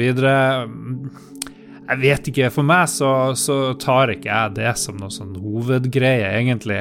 Jeg føler at det er mer en slags drøm, nesten. Jeg Det, går det, inn i eneste, det var én ting jeg la merke til, eh, som jeg tenkte litt på. Eh, og det er når du På et tidspunkt i spillet så, uh, så må du late som at du er en sånn hjernestyrt fyr.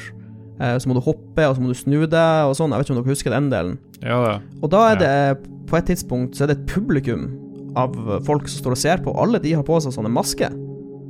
Så eh, ja, jeg tenker eh, Jeg får litt sånn her eh, Visste de om covid allerede da? Ja, altså, gutten er jo åpenbart eh, innbyggerne i Oslo kommune. Og Ja, altså hjelp å slippe løs covid-monsteret på verden. Ja.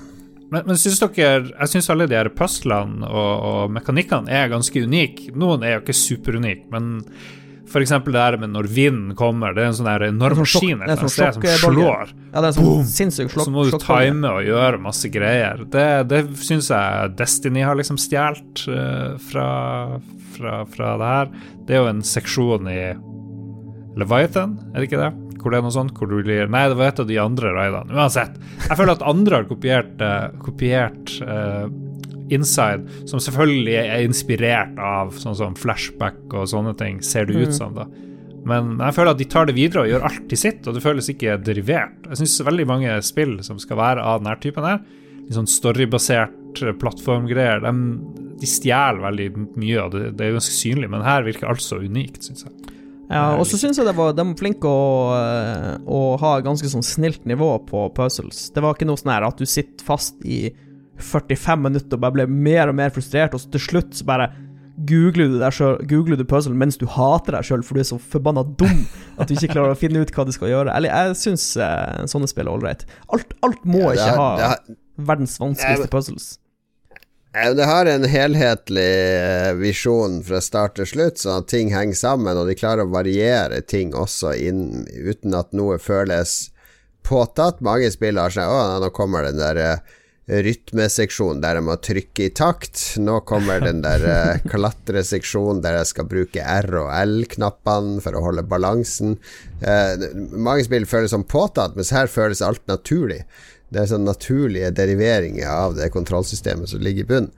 Så de har vært veldig flinke ja, eh, det, altså det, det er sånn veldig flinkis-spill. Jeg husker når jeg prata med de også det, Den største utfordringen jeg hadde under utviklinga, det var loadesystemet. Altså fordi spillet loader inn nye Eller verden lastes inn hele tida, kontinuerlig.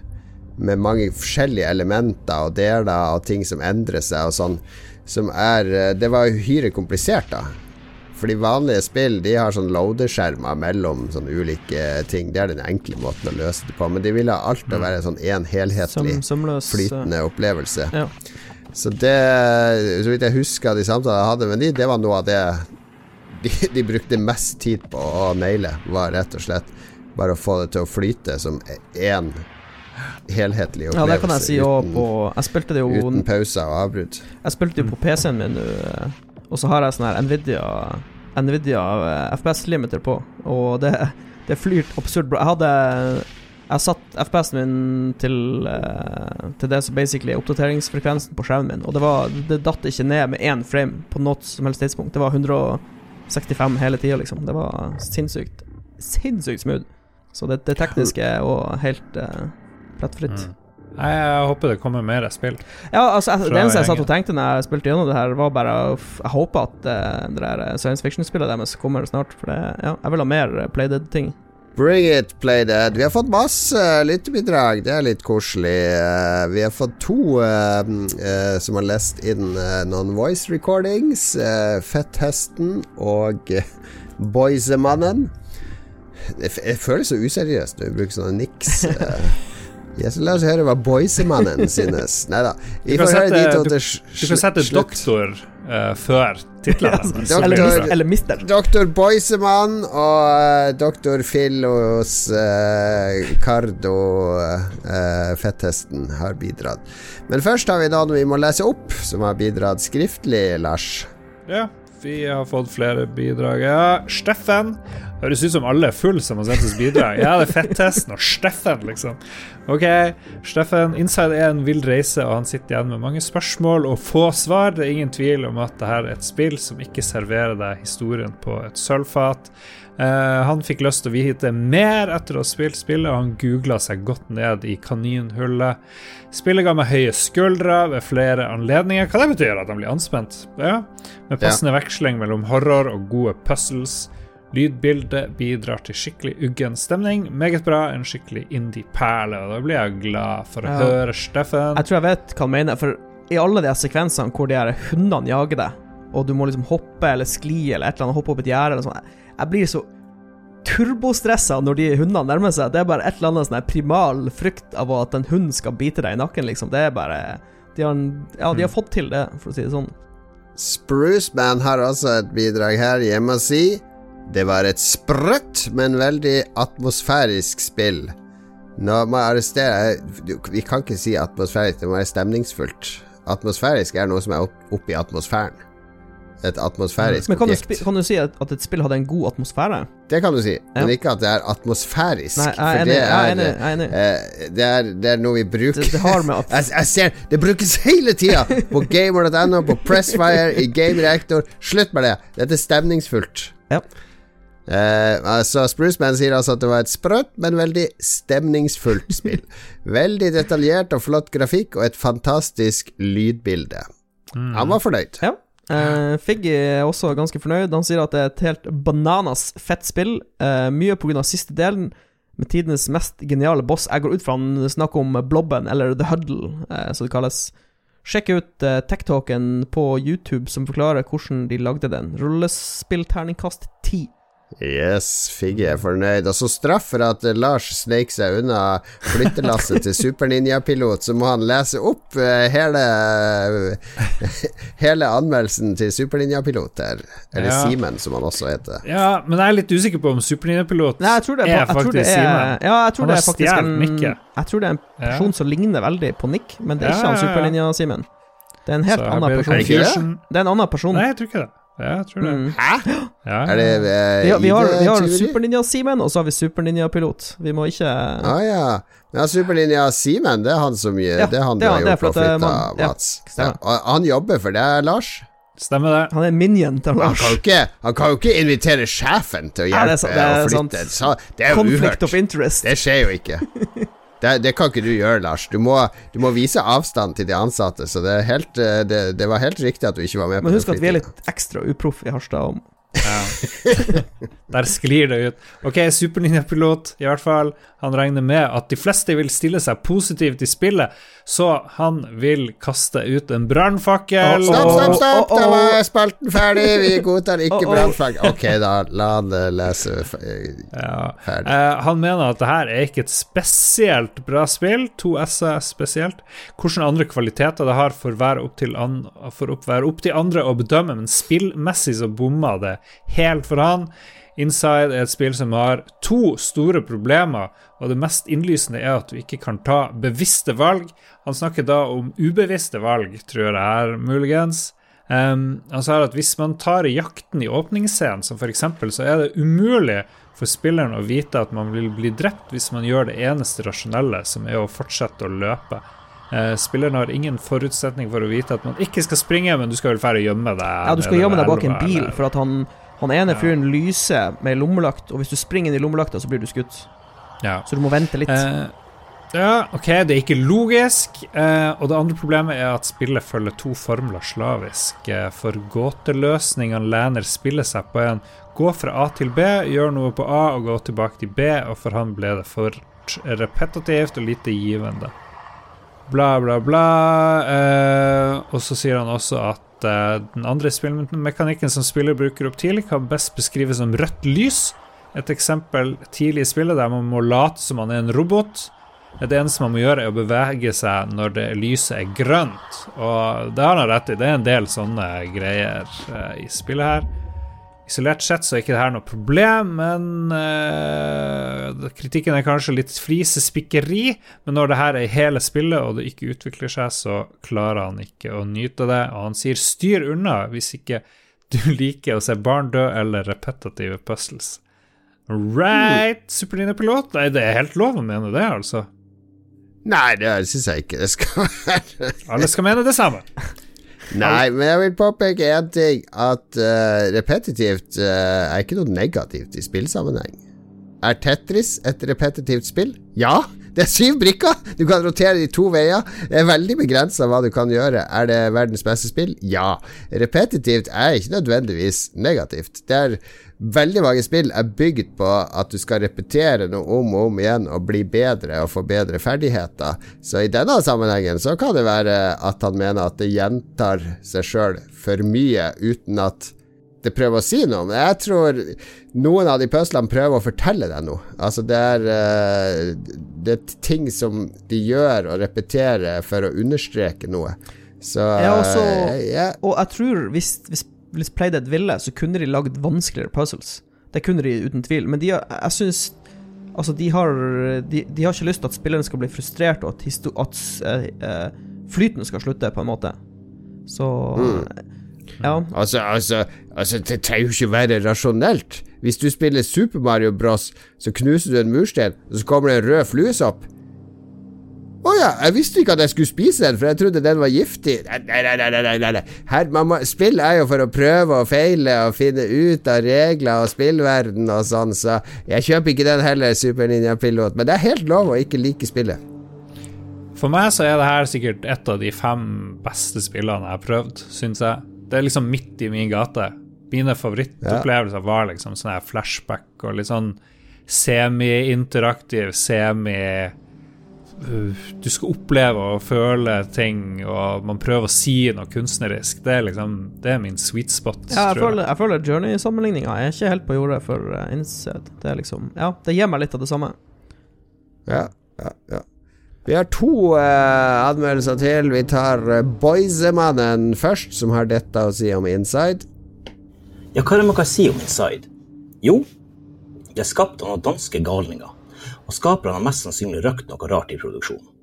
Og det her er ingen tvil om at det her er de samme folkene som lagde Limbo. Nøyaktig hva det er som fenger med Inside, er litt vanskelig å si noe spesifikt om, men stemninga som skapes, er magisk. Her har vi nok et svart-hvitt eventyr med en liten gutt, akkurat som i Limbo, der man skal løse noen oppgaver. Vi ser ting nok en gang i 2,5D. Det er mørkt, og man skjønner ikke en puck av hva det er som foregår.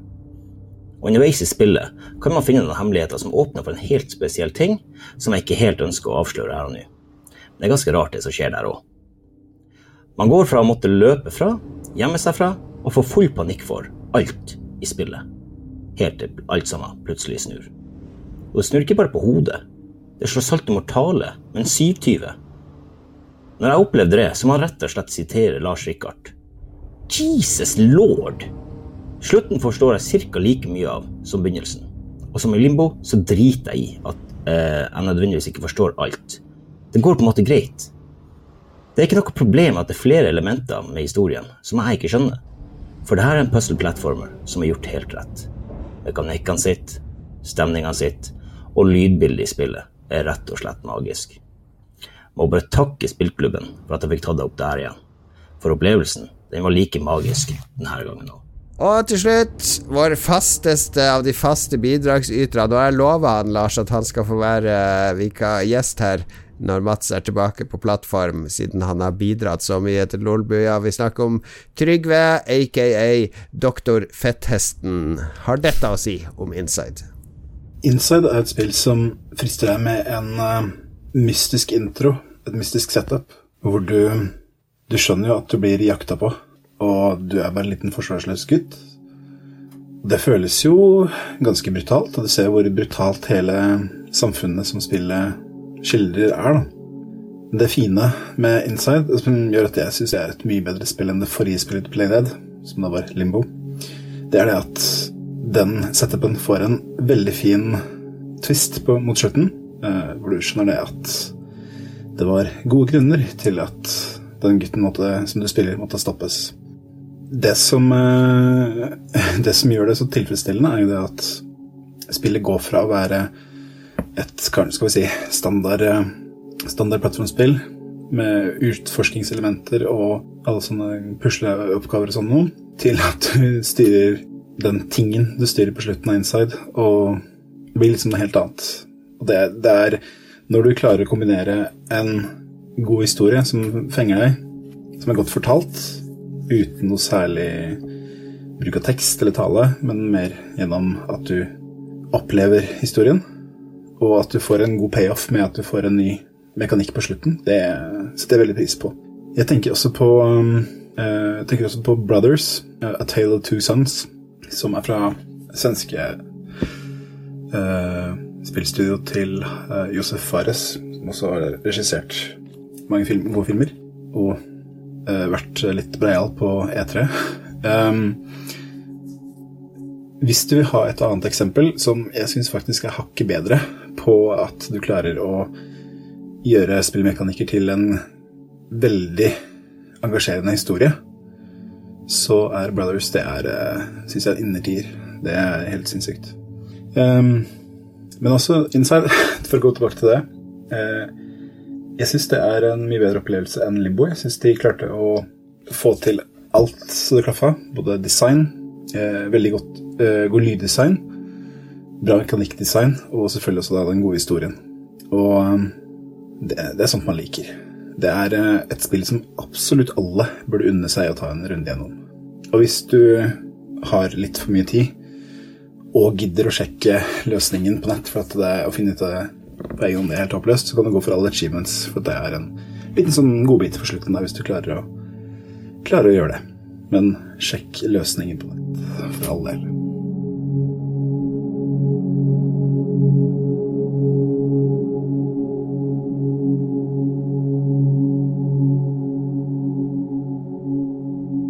Anbefalingsspalten er på plass. Mats er i fokus og klar til å snakke om eh, noe han har sett på Netflix. Ja, faktisk. Eh, jeg var bare og uh, chilla litt på Netflix, og så dukka det opp noe som jeg bare Egentlig så avskrev det. Vent litt, vent litt, vent litt. Nå må vi forklare de lytterne som ikke Hva er Netflix?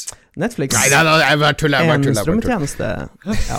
Nei, um, det var Altså, jeg hadde, egentlig, jeg hadde egentlig avskrevet hele greia, fordi jeg så bare tittelen, og så tenkte jeg off, hvordan idiotisk ting er det der? Jeg kommer aldri til å se det der. Men så viser det seg ja. at det er faktisk ganske bra uh, true crime. Uh, Men hvordan, hvordan, gikk du fra den uh, tanken 'det her skal jeg aldri se', til uh, trykke på play? Det lurer jeg på. Jeg, jeg så noen på nettet som sa det var ålreit. det var stort sett det. Ja, ok. Ja. Uh, det er um, en uh, true crime-doku-greie uh, på tre episoder. Oh, hvor deilig er det ikke med det? Tre episoder Tre episoder på 40 minutter. Oh, det er så deilig. det handler om en fyr som heter Mark Hoffman og Den mormonske kirke. og han der Mark Hoffman er en sånn her historiker Eller han er sånn her dokumentfyr. Han, han er bare helt rå på å finne sånne gamle dokumenter som handler om opphavet til den mormonske kirke, og ingen forstår hvor han får tak i alle de der dokumentene. Eh, Kanskje han forfalsker dem. Det vil jo være veldig i tråd med den mormonske kirke. Plutselig så begynner ting å eksplodere, bokstavelig talt. Eh, og så starter, starter, galskapen. Og det er liksom Ja, Eksploderer bokstavelig talt? Ja, det er Altså, bombe som går av. Det er bombe. Fysisk? Ah, det ja, er bombe som går av. ok. Ja. Eh, og så uh, er det masse sånne twists and turns og uh, Ja, det er bare sånn fin, fin smooth eh, true crime-doku. Og så er det Ja. Jeg bare Jeg var så glad for at det var tre episoder, for det Ja, du trenger ikke ti episoder for å forklare at noen har drept noen, og at noe har skjedd, og ja. Men ja, hvis du, hvis du liker true crime, og du savner noe uh, mysterie i livet ditt, så sjekk ut eh, Murder Among the Mormons. Ja, bra, bra eh, Ja, det, jeg tror faktisk det er en BBC-produksjon av alle ting. Eh, men det, det som er litt kult, er at de har, de har sinnssykt mye sånne her eh, gamle eh, videoopptak og Altså, av en eller annen grunn så var det mye opptak eh, på 80-tallet, for at han her Mark Hoffman hadde VHS-kamera, og så Mormonerne er tydeligvis ganske teknisk avanserte religiøse folk, I guess. Men ja, det er mye, mye bra sånn eh, arkiv-footage, så du, du føler at du liksom får reist litt tilbake til midten av 80-tallet. Ja. Uh, har dere sett den her WandaVision? Apropos for mange episoder. Jesus Ser lord. ikke TV-serier, vet du jo. Ja, ja, men det Mats gjorde kanskje. Har du sett WandaVision? jeg har sett Wonder Vision. Ja, ja, Wonder Vision kunne Ja. vært kortere. Jeg er helt enig. Ja, come on. Men, uh, Men bra, da. slutt. Ja, jeg syns det, jeg synes det tok seg opp. Det var litt sånn litt langt i midten der. Ja. Wanda hører hjemme i fengsel, da. Hun bør ikke være ute blant folk, Det skulle hett Ja. War Crimes Vision. faktisk. Hva du har sett, Ja, det er ikke snakker om her. Jeg soner ut. Så Ja. jeg starter en scavren. ok, nå har du valgt en litt billig, billig versjon her på anbefalingen. Du har sett hva jeg Ja, skal du får ta din først, da, Lars. Ja. Jeg har jo vært i Kautokeino og sett mye NRK. Og kjæresten satte på Exit sesong to. Og jeg har ikke sett Exit sesong én. Har aldri tenkt å se det, for jeg er litt sånn Ja, ja, det er sikkert oppskrytt drit og bla, bla, bla. Du ser, men du ser jo ikke ting fra Oslo i utgangspunktet. Nei. Du hater jo eh, TV-serier og filmer som foregår i Oslo. Det er 100%. du imot. Aldri sett det der, det der pedoserien med de unge jentene fra Oslo som er populære over hele verden. Skam. Det er der. Aldri sett. Ser ikke norsk film, ser ikke norsk TV-serie. Eneste jeg har sett, er Exit 2. Og jeg må si jeg ble kjempepositivt overrasket. Har du ikke sett Monster? Har du sett, har du sett, Monster Nei. har du vel sett? da, Nei, har, du sett Exit, nord. har du sett Exit 1, Lars? Uh, nei, Å ja, du gikk rett på toeren. Ja, ja. Nettopp. Ja, men, men, men har du ikke sett den der nordnorske, samiske krimserien som dere viser i avisa deres, som du endorser? Jo, jeg ser sånn halvparten, og så gidder jeg ikke mer. Var det bedre eller dårligere enn Exit 2? Uh, Exit 2 var mye bedre. Det, ja. Ja, hvorfor det? Hva er Exit 2 for noe? Exit 2 handler om et finansmiljø i Oslo hvor masse rike investorer gjør masse umoralske ting. Eh, Temaet i sesong 2, kanskje i sesong 1, er at de er veldig slemme med kjærestene sine. Og han ene henter hjem med stripper. Stripperen suger han ene mens kona ligger og gråter ved siden av. Um, han andre kaster ut kona si i første episode. Bare fuck you, kone. Uh, en annen blir, gjør omtrent det samme, og så driver de og svindler folk for penger. Og Det er liksom stort sett det som skjer, og så er det sånn subplot med konen som driver og prøver å liksom ta litt sånn revansj og ditt og datt, men det legges veldig opp til sesong tre, så, så det er veldig lite som er, er avgjort her. Så er det mye penger, veldig mye fine biler. Hvis du liker å se Billions, denne serien, hvor liksom uh, du får sånn blikk i en sånn her rikes verden, så er jo det her litt artig. Litt sånn du kan låne Du kan late som at du er veldig materialistisk og liksom ja, Du lever litt folk gjennom dem. dyr champagne og sånn. Lever litt gjennom dem. Ja. Men så er det bare Det artige er at de er så umoralske, og det jeg elsker de folkene. Det er en sånn psykopatsvenske eh, som heter Hva heter Simon? Ja, det han heter? Jesus Christ. Og de, det er konemishandling, de slår hverandre. Og så koser de seg. Når guttene er samla, da er det god stemning. Da er det god stemning. Når de er hjemme, så hater de livet og hater kona. Sånn, sånn går det. Det er veldig lite dårlig forklart, men det er helt topp. Det er helt topp. Det er bra underholdning. Hvorfor er det topp? Nei, jeg vet ikke. Jeg er et dårlig menneske, men halve Norge syns jo det er bra. Det var jo streama 1,4 ja, ja. 1,4 Ja, eller, jeg, jeg må korrigere deg. Det, var mange, det er mange som har sett det. Det betyr ikke at det er bra. det har du helt rett i. Det er som Baywatch òg, det var også Norges mest sette TV-program i noen år. Og Silke ja, på bra. TV2. Silke, Silke, Silke. på TV2. Oh, TV2. Silke på TV. Det er på Amazon Prime, hvis du vil se Silke. Å, er det på TV2. det? Ja, ja. Silk Stockings. ja, eh, jeg har ikke sett Exit 2, jeg ser ikke TV-serier. Jeg likte Exit 1 ganske godt, men det, den var veldig avsluttende, så jeg tenkte helt topp. Seks eller åtte episoder, eller hva det var. Eh, en story arc fra start til slutt. Eh, fall, fall fra høyden, eh, får som fortjent, uh, osv. Uh, så jeg bare ble litt skeptisk når det skulle komme en sesong to, som skulle fortsette med de samme fire hovedpersonene og dill og Dahl Tenkte skal de kvele noe mer ut av det her? Og så gadd jeg ikke å se det når det kom, eller kona mi begynte å se det, så da gadd jeg i hvert fall ikke, for da må jeg vente på at TV-en er ledig, og de få øyeblikkene TV-en er ledig, da prioriterer jeg Kurosawa-film fra 1940 eller horrorfilm fra 70-tallet. Kan du se det med din 70-tallet. kone, da? Det er jo ikke noe sånn. Hun har sett det. Ja, Du kunne jo se det lamme, jo. Nei, fordi jeg holdt på å lage podkast og noe greier med dere, og så da jeg kom ned Å, jeg har sett de tre første episodene. Så jeg, Jesus fucking Christ, det gidder jo ikke jeg. Og hun gidder jo ikke å se det på nytt. Og det, jeg tror nå kommer vi til hvorfor du ikke har lyst til å se det, Jon Cato. Du føler deg Ja, nei, nei men I tillegg så har jeg jo et nyttårsforsett med at jeg gidder ikke å se TV-serier. Så om et år skal jeg spørre dere Burde jeg se Exit 2, eller burde jeg se noe annet. Jeg ikke, Kanskje har det kommet noe som er bedre å bruke tida på, når folk Når hypen har lagt seg. Ja, da, da Men jeg kan anbefale Jeg anbefaler Morgenbladet sin anmeldelse av Exit 2.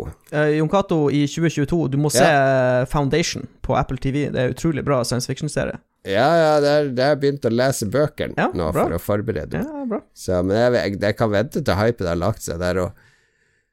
Men jeg kan anbefale Morgenbladets anmeldelse av Exit 2, fordi det er jo skrevet av min favoritt-TV- og filmanmelder Aksel Kielland. Han har en veldig skarp penn, og han eh, Det er mye eh, Altså selv om han syns ting er bra, så klarer han ofte å finne noen artige poenger. Noen finurlige poenger som, eh, som kanskje gjør at du ser på ting fra et litt annet perspektiv, eller får et litt sånn annet syn på ting. Og han har en veldig bra anmeldelse av Exit 2, der han basically sier at det er, det er basically Det er sånn som X on the beach.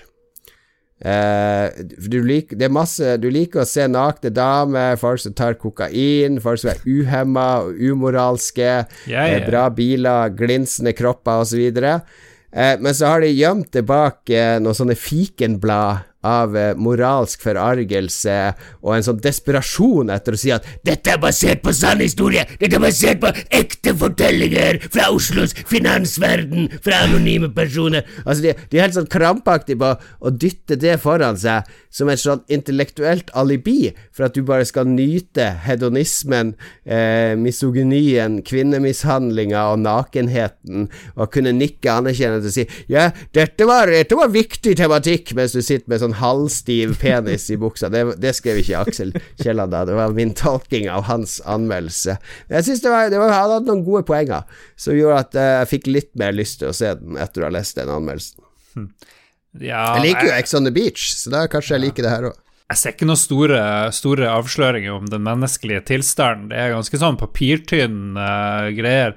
Det som avslører serien litt, er at eh, når noen skal føle seg dårlig, så spiller de trist musikk av eh, hva heter han, Johnny Cash, og hvis noen er slem, så spiller de eh, Sympathy for the Devil med Rolling Stones. Så det er liksom Hvis de tror, hvis de som lager serien, og de som ser den, tror at det er noen sånn dypere mening, så tenker jeg "Æ, det er nå bare folk som er, er, er sånn slemme og snille og angrer og liksom er kjip. Det er jo ikke noe sånn noe mer enn det, da. Men det er god underholdning. Ja, jeg skal ikke kimse av underholdning i disse tider.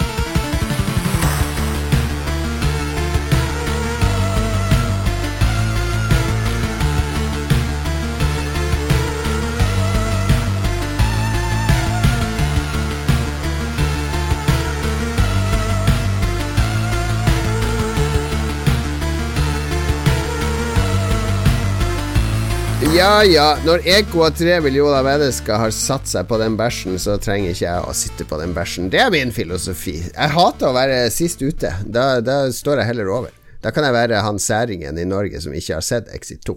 Så kan dere være mainstream. Det er noe sånn krampaktig, Å, jeg vil se Kurosawa i svart-hvitt, og jeg nekter å se det som er populært. Det er, det er noe sånn skurre der et Ja, men vet du hvorfor jeg vil se det? Fordi Kurosawa i svart-hvitt, det minner meg om en tid som jeg aldri har levd i. Mens hvis jeg ser Exit 2 nå, og ser folk fulle gater i Oslo, fester og folk som sosialiserer, blir jeg bare deprimert. Det er sånn er ikke Oslo. Det er urealistisk. Det er, en, det er et Oslo som ikke fins for meg lenger. Blir jeg gråte? Er det det du vil, Lars? At jeg skal sitte og gråte foran skjermen? Ja, det blir bra podkast, i hvert fall. Kanskje vi får litt sånn Ja, Lindmo-tall. Kan vi få litt uh... Spørs hvor bra det blir. Spørs hvor bra det blir. Men jeg trenger noe som ikke minner meg om hva som mangler nå, men heller uh, får meg til å reflektere over uh, andre ting. Kanskje du heller kan hjelpe andre, for vi er jo i lytterspalten, og der handler det ikke om korona i det hele tatt. Det handler om tips og råd og vink Og for å leve et bedre liv, og veiledning. Ja. Så lytterne vil, vil, vil hjelpe, har hjelp. Fredrik Mehammer. Fredrik Mehammer, er det en ny mann? Er han eh, i slekt med Thor Mehammer? Ja, Det var, det var krampe. Kom an, det var dagens vits! Det var dagens vits. Jeg bare gir meg der. Bare gir meg der. Takk for i dag. Jeg skal jo ikke lese hva han Fredrik har sagt. Ah, hvordan vet man egentlig når et håndkle skal vaskes, spør for en venn. Jeg brukte to uker nå sist, håndkle hele veien. Kjentes litt disgusting ut mot slutten. Ja. Ja, to uker er for lenge. Det er altfor lenge. Jeg vil si ei uke. Kona mi bruker å henge opp håndklær, for hun skal bruke det flere ganger. Jeg bruker, Når jeg tørker meg, så legger jeg det på gulvet, for jeg vil ha tørre føtter.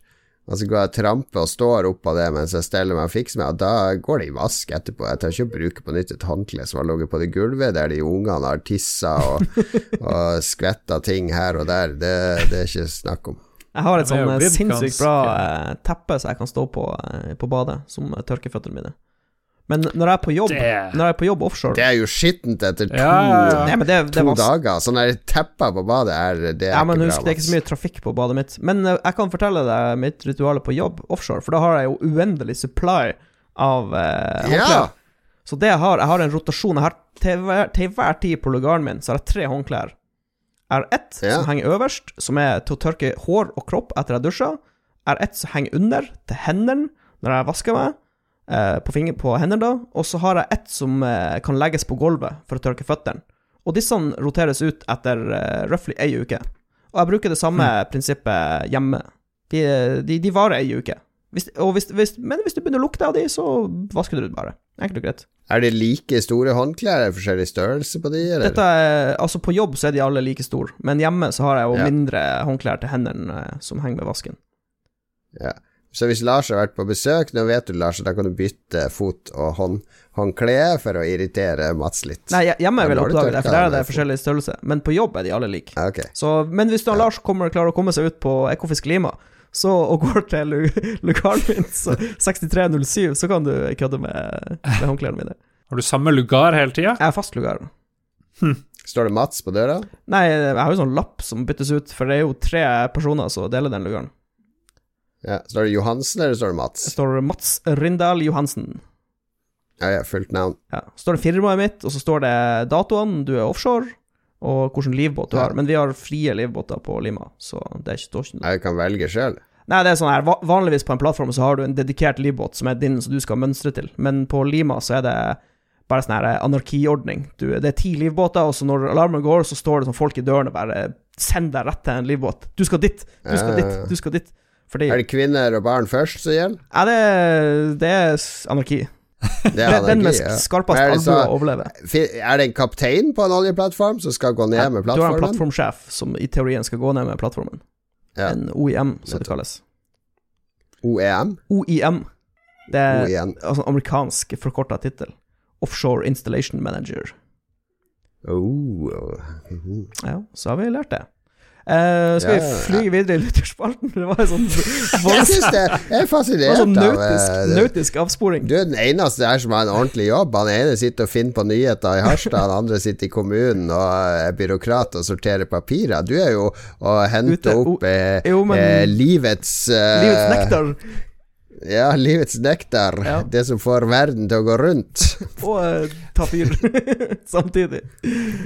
Eh, ja, nei, vi, vi moser på med lytterspalten. Han Bjørn Bjelland uh, sier denne såpa har beri, beriket livet mitt i det siste. spiller Baby Shark hver gang noen vasker hendene. Jeg tror det mangler et bilde, men jeg tror det er noe sånn Ja. Baby Shark-såpe. Det er, det er en eh, blå flaske, blå etikett og bilder av masse baby sharks på etiketten.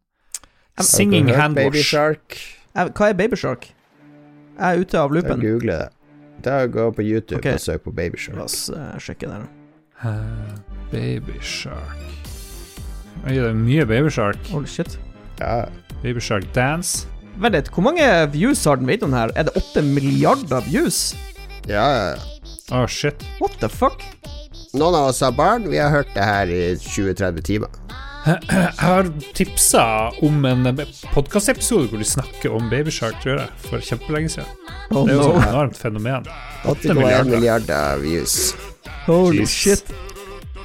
Hvor mye penger Altså, er 8,2 millioner milliarder views? Ja, jeg vet ikke hvor mye penger det er, fordi det er jo 8,1 milliarder småbarn som har sett på, basically.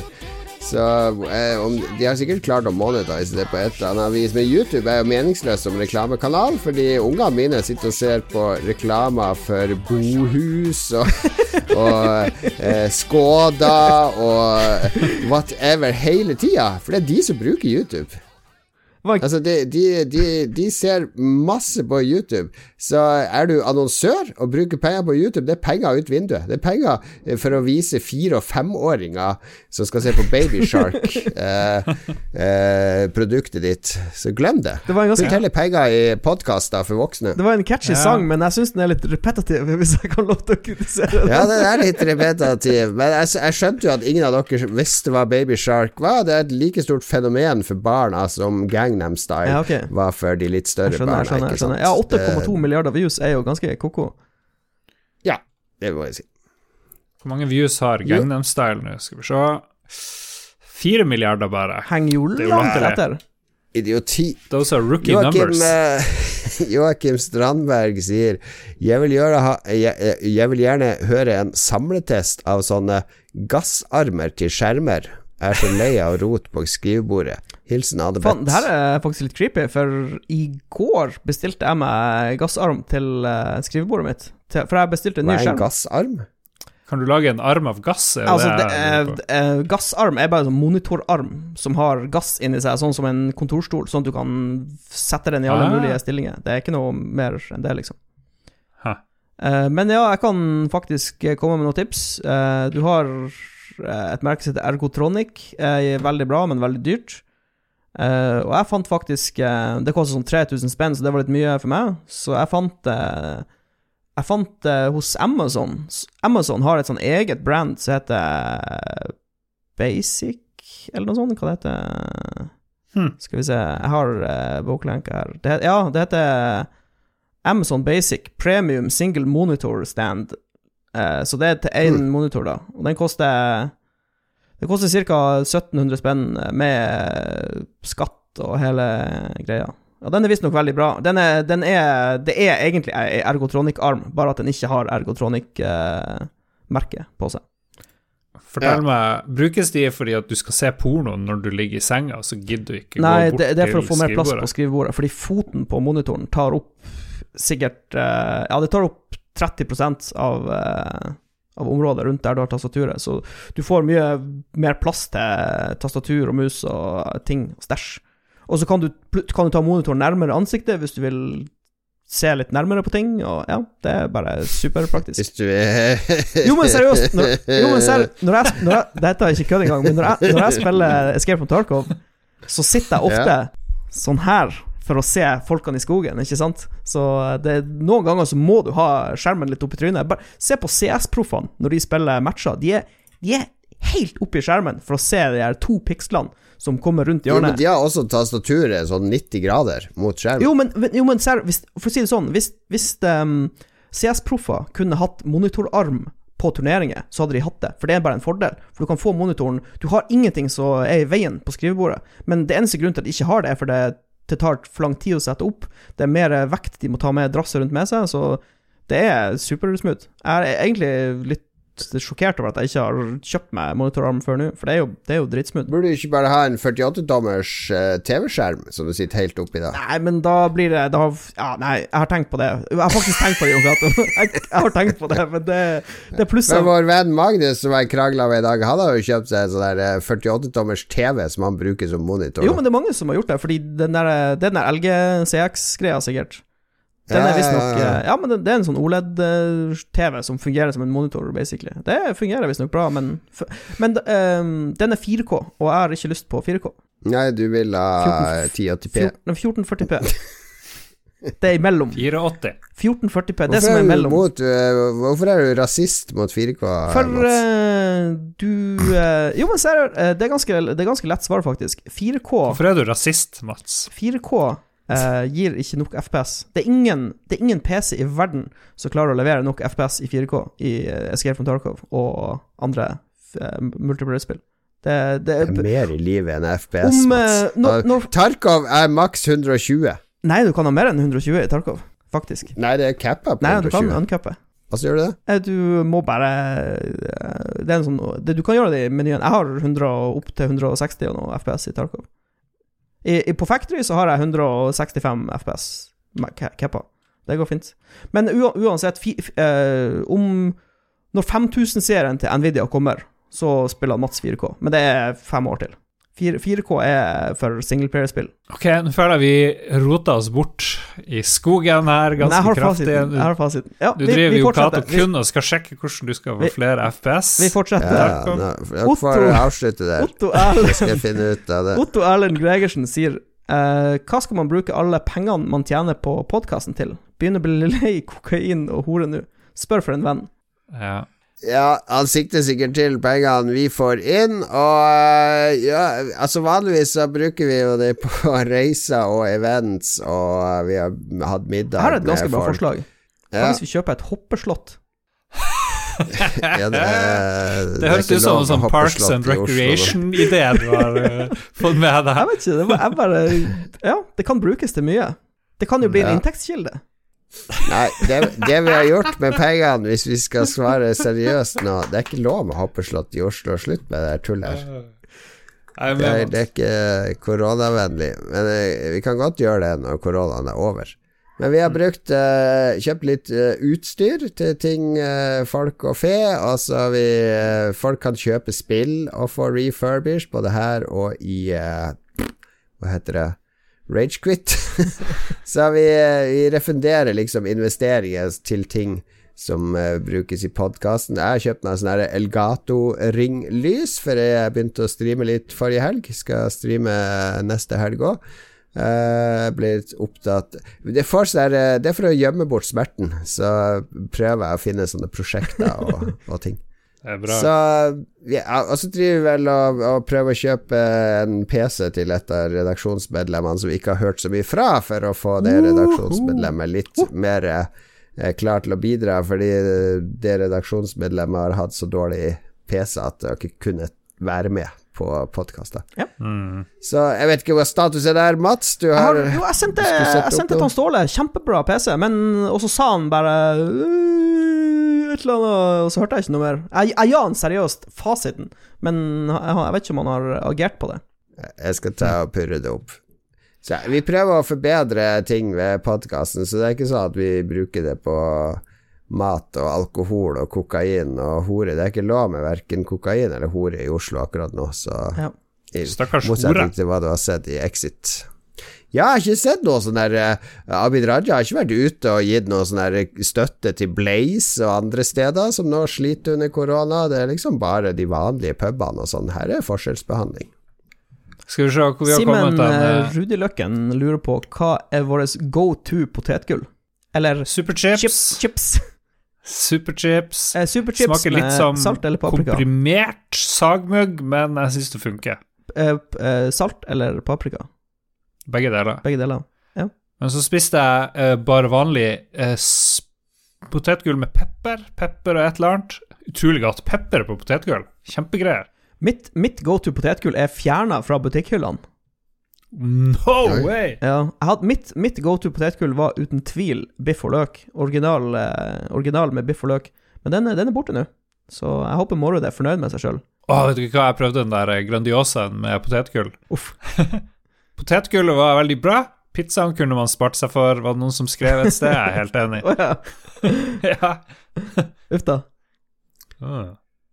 Ja, jeg liker sørlandschips salt. Ja.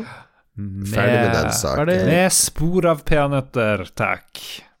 Eh, siste, siste innspill fra Martin Pettersen. Han vil ha tips til det gode liv, samt det ikke innebærer å flytte til Kautokeino. Få høre, Lars. Tips til det gode liv, samt det ikke. Han vil jo ikke, han vil ikke flytte til Kautokeino. Ja. Tips til det gode liv, bytt jobb ofte. Det tror jeg er helt topp. Jeg tror det kan være en Bytte, viktig bytte, greie. bytte skute. Bytte skute. Få noen nye ting i livet ditt. Det tror jeg er lurt. det, hører dere alle i Harstad ansatte?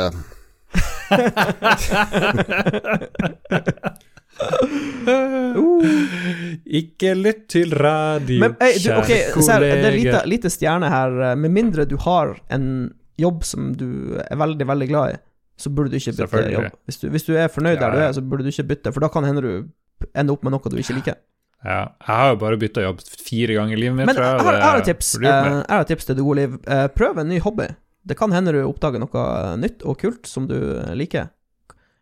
Terrengsykling, eh, sportsskyting, bueskyting, eh, jakt, eh, kajakkpadling, eh, hanggliding Mm. Eller hanggliding, det kan, det kan drepe deg, kanskje ikke det, men ja, sånne Ja, prøv en ny hobby. Du kan dø i kajakken da. Jo da, men jeg vil si at oddsen er litt høyere i den hangglideren.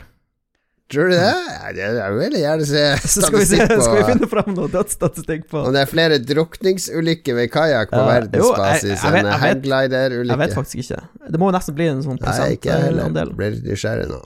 Ok, Lars, og så til slutt Eh, jeg har ingen tips. Eh, livet suger. Eh, bare eh, hold ut. Hold ut. Kanskje blir det bedre en dag, eh, Martin, men eh, det er det bare eh, Ikke ha så høye forventninger, så går det, går det greit. Nå skal Ja. vi avslutte, men før det så skal Lars og, og Mats ta utfordringa fra Rage Quit. Ja. Vi skal lese opp Terje Vigen. Jeg trodde, Er ikke han sjef for uh, Vigrid, eller noe sånt? Er det en annen? Det tror jeg. Jeg tror det er en, fik, jeg tror det er Eh, en fiksjonell karakter. Ja.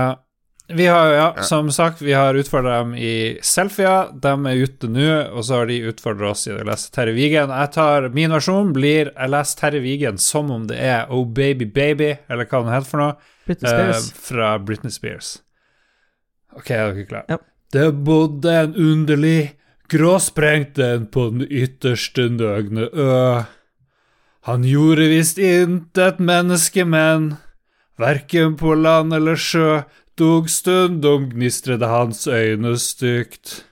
Helst mot mod, helst mot urolig vær, og da mente folk at han var forrykt. Og da var der få som uten frykt kom Terje Vigen nær. Tusen takk. Ja, det var en ting.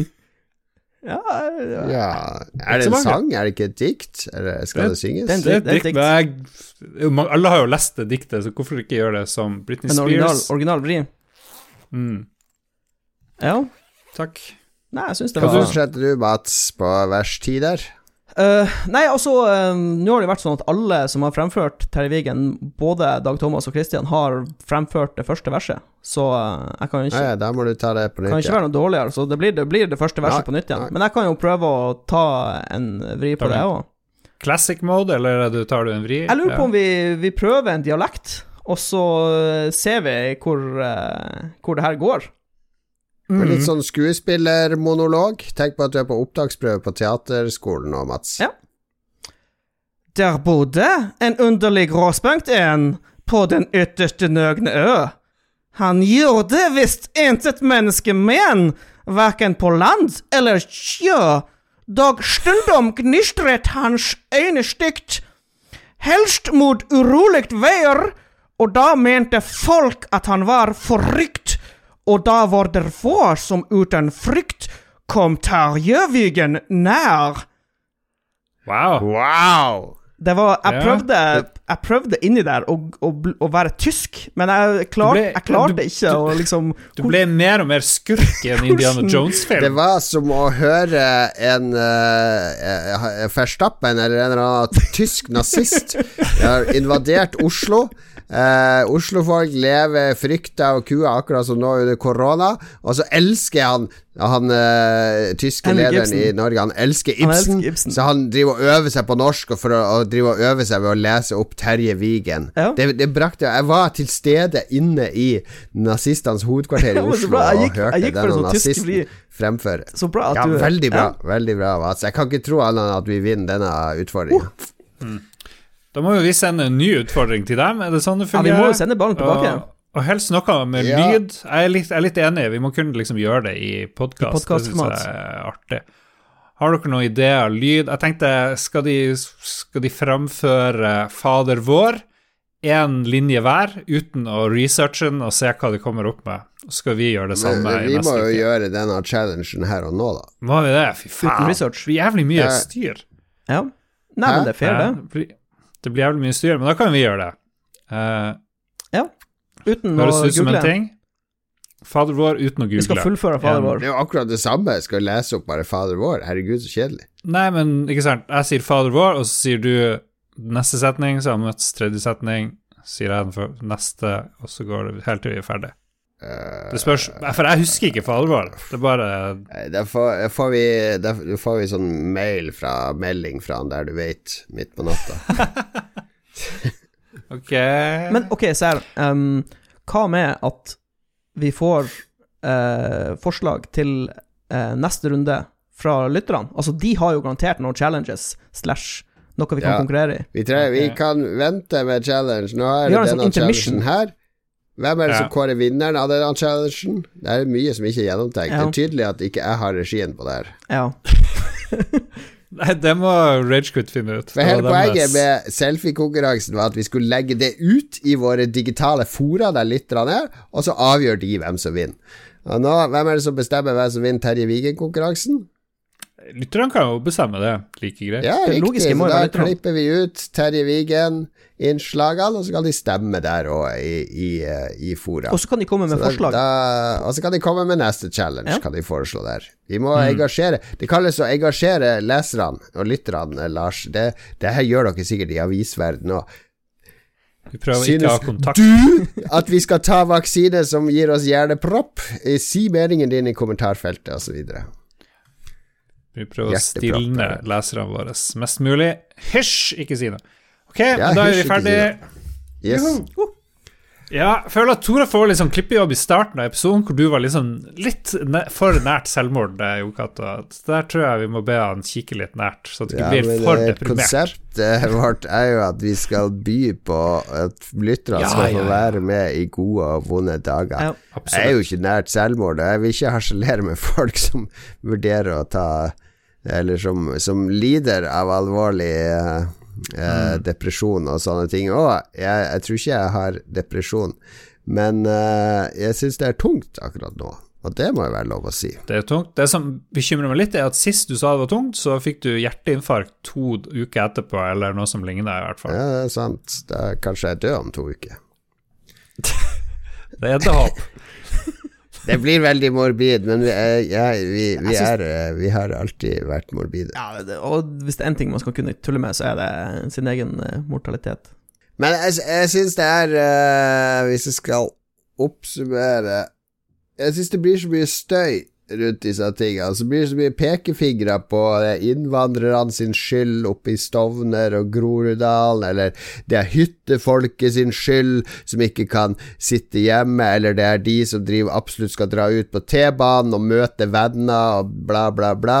Jeg er så lei av at folk gjør det til sånn der blame game og skal liksom ha noe å skylde på hele tida. Det er søringene sin skyld, og det er eh, arbeidsinnvandringa sin skyld, og det er, det er noe dritt vi står oppi alle sammen. Så slutt å være så bastant og bare prøv å gjøre ditt beste. Jeg tror på det gode i menneskene. Jeg tror på at de fleste prøver å gjøre det de kan for å få det bra, og så syns jeg folk kan holde mer kjeft og bare hjelpe til å få å stå av denne greia. Mindre støy, da blir det bedre mental helse òg, tror jeg.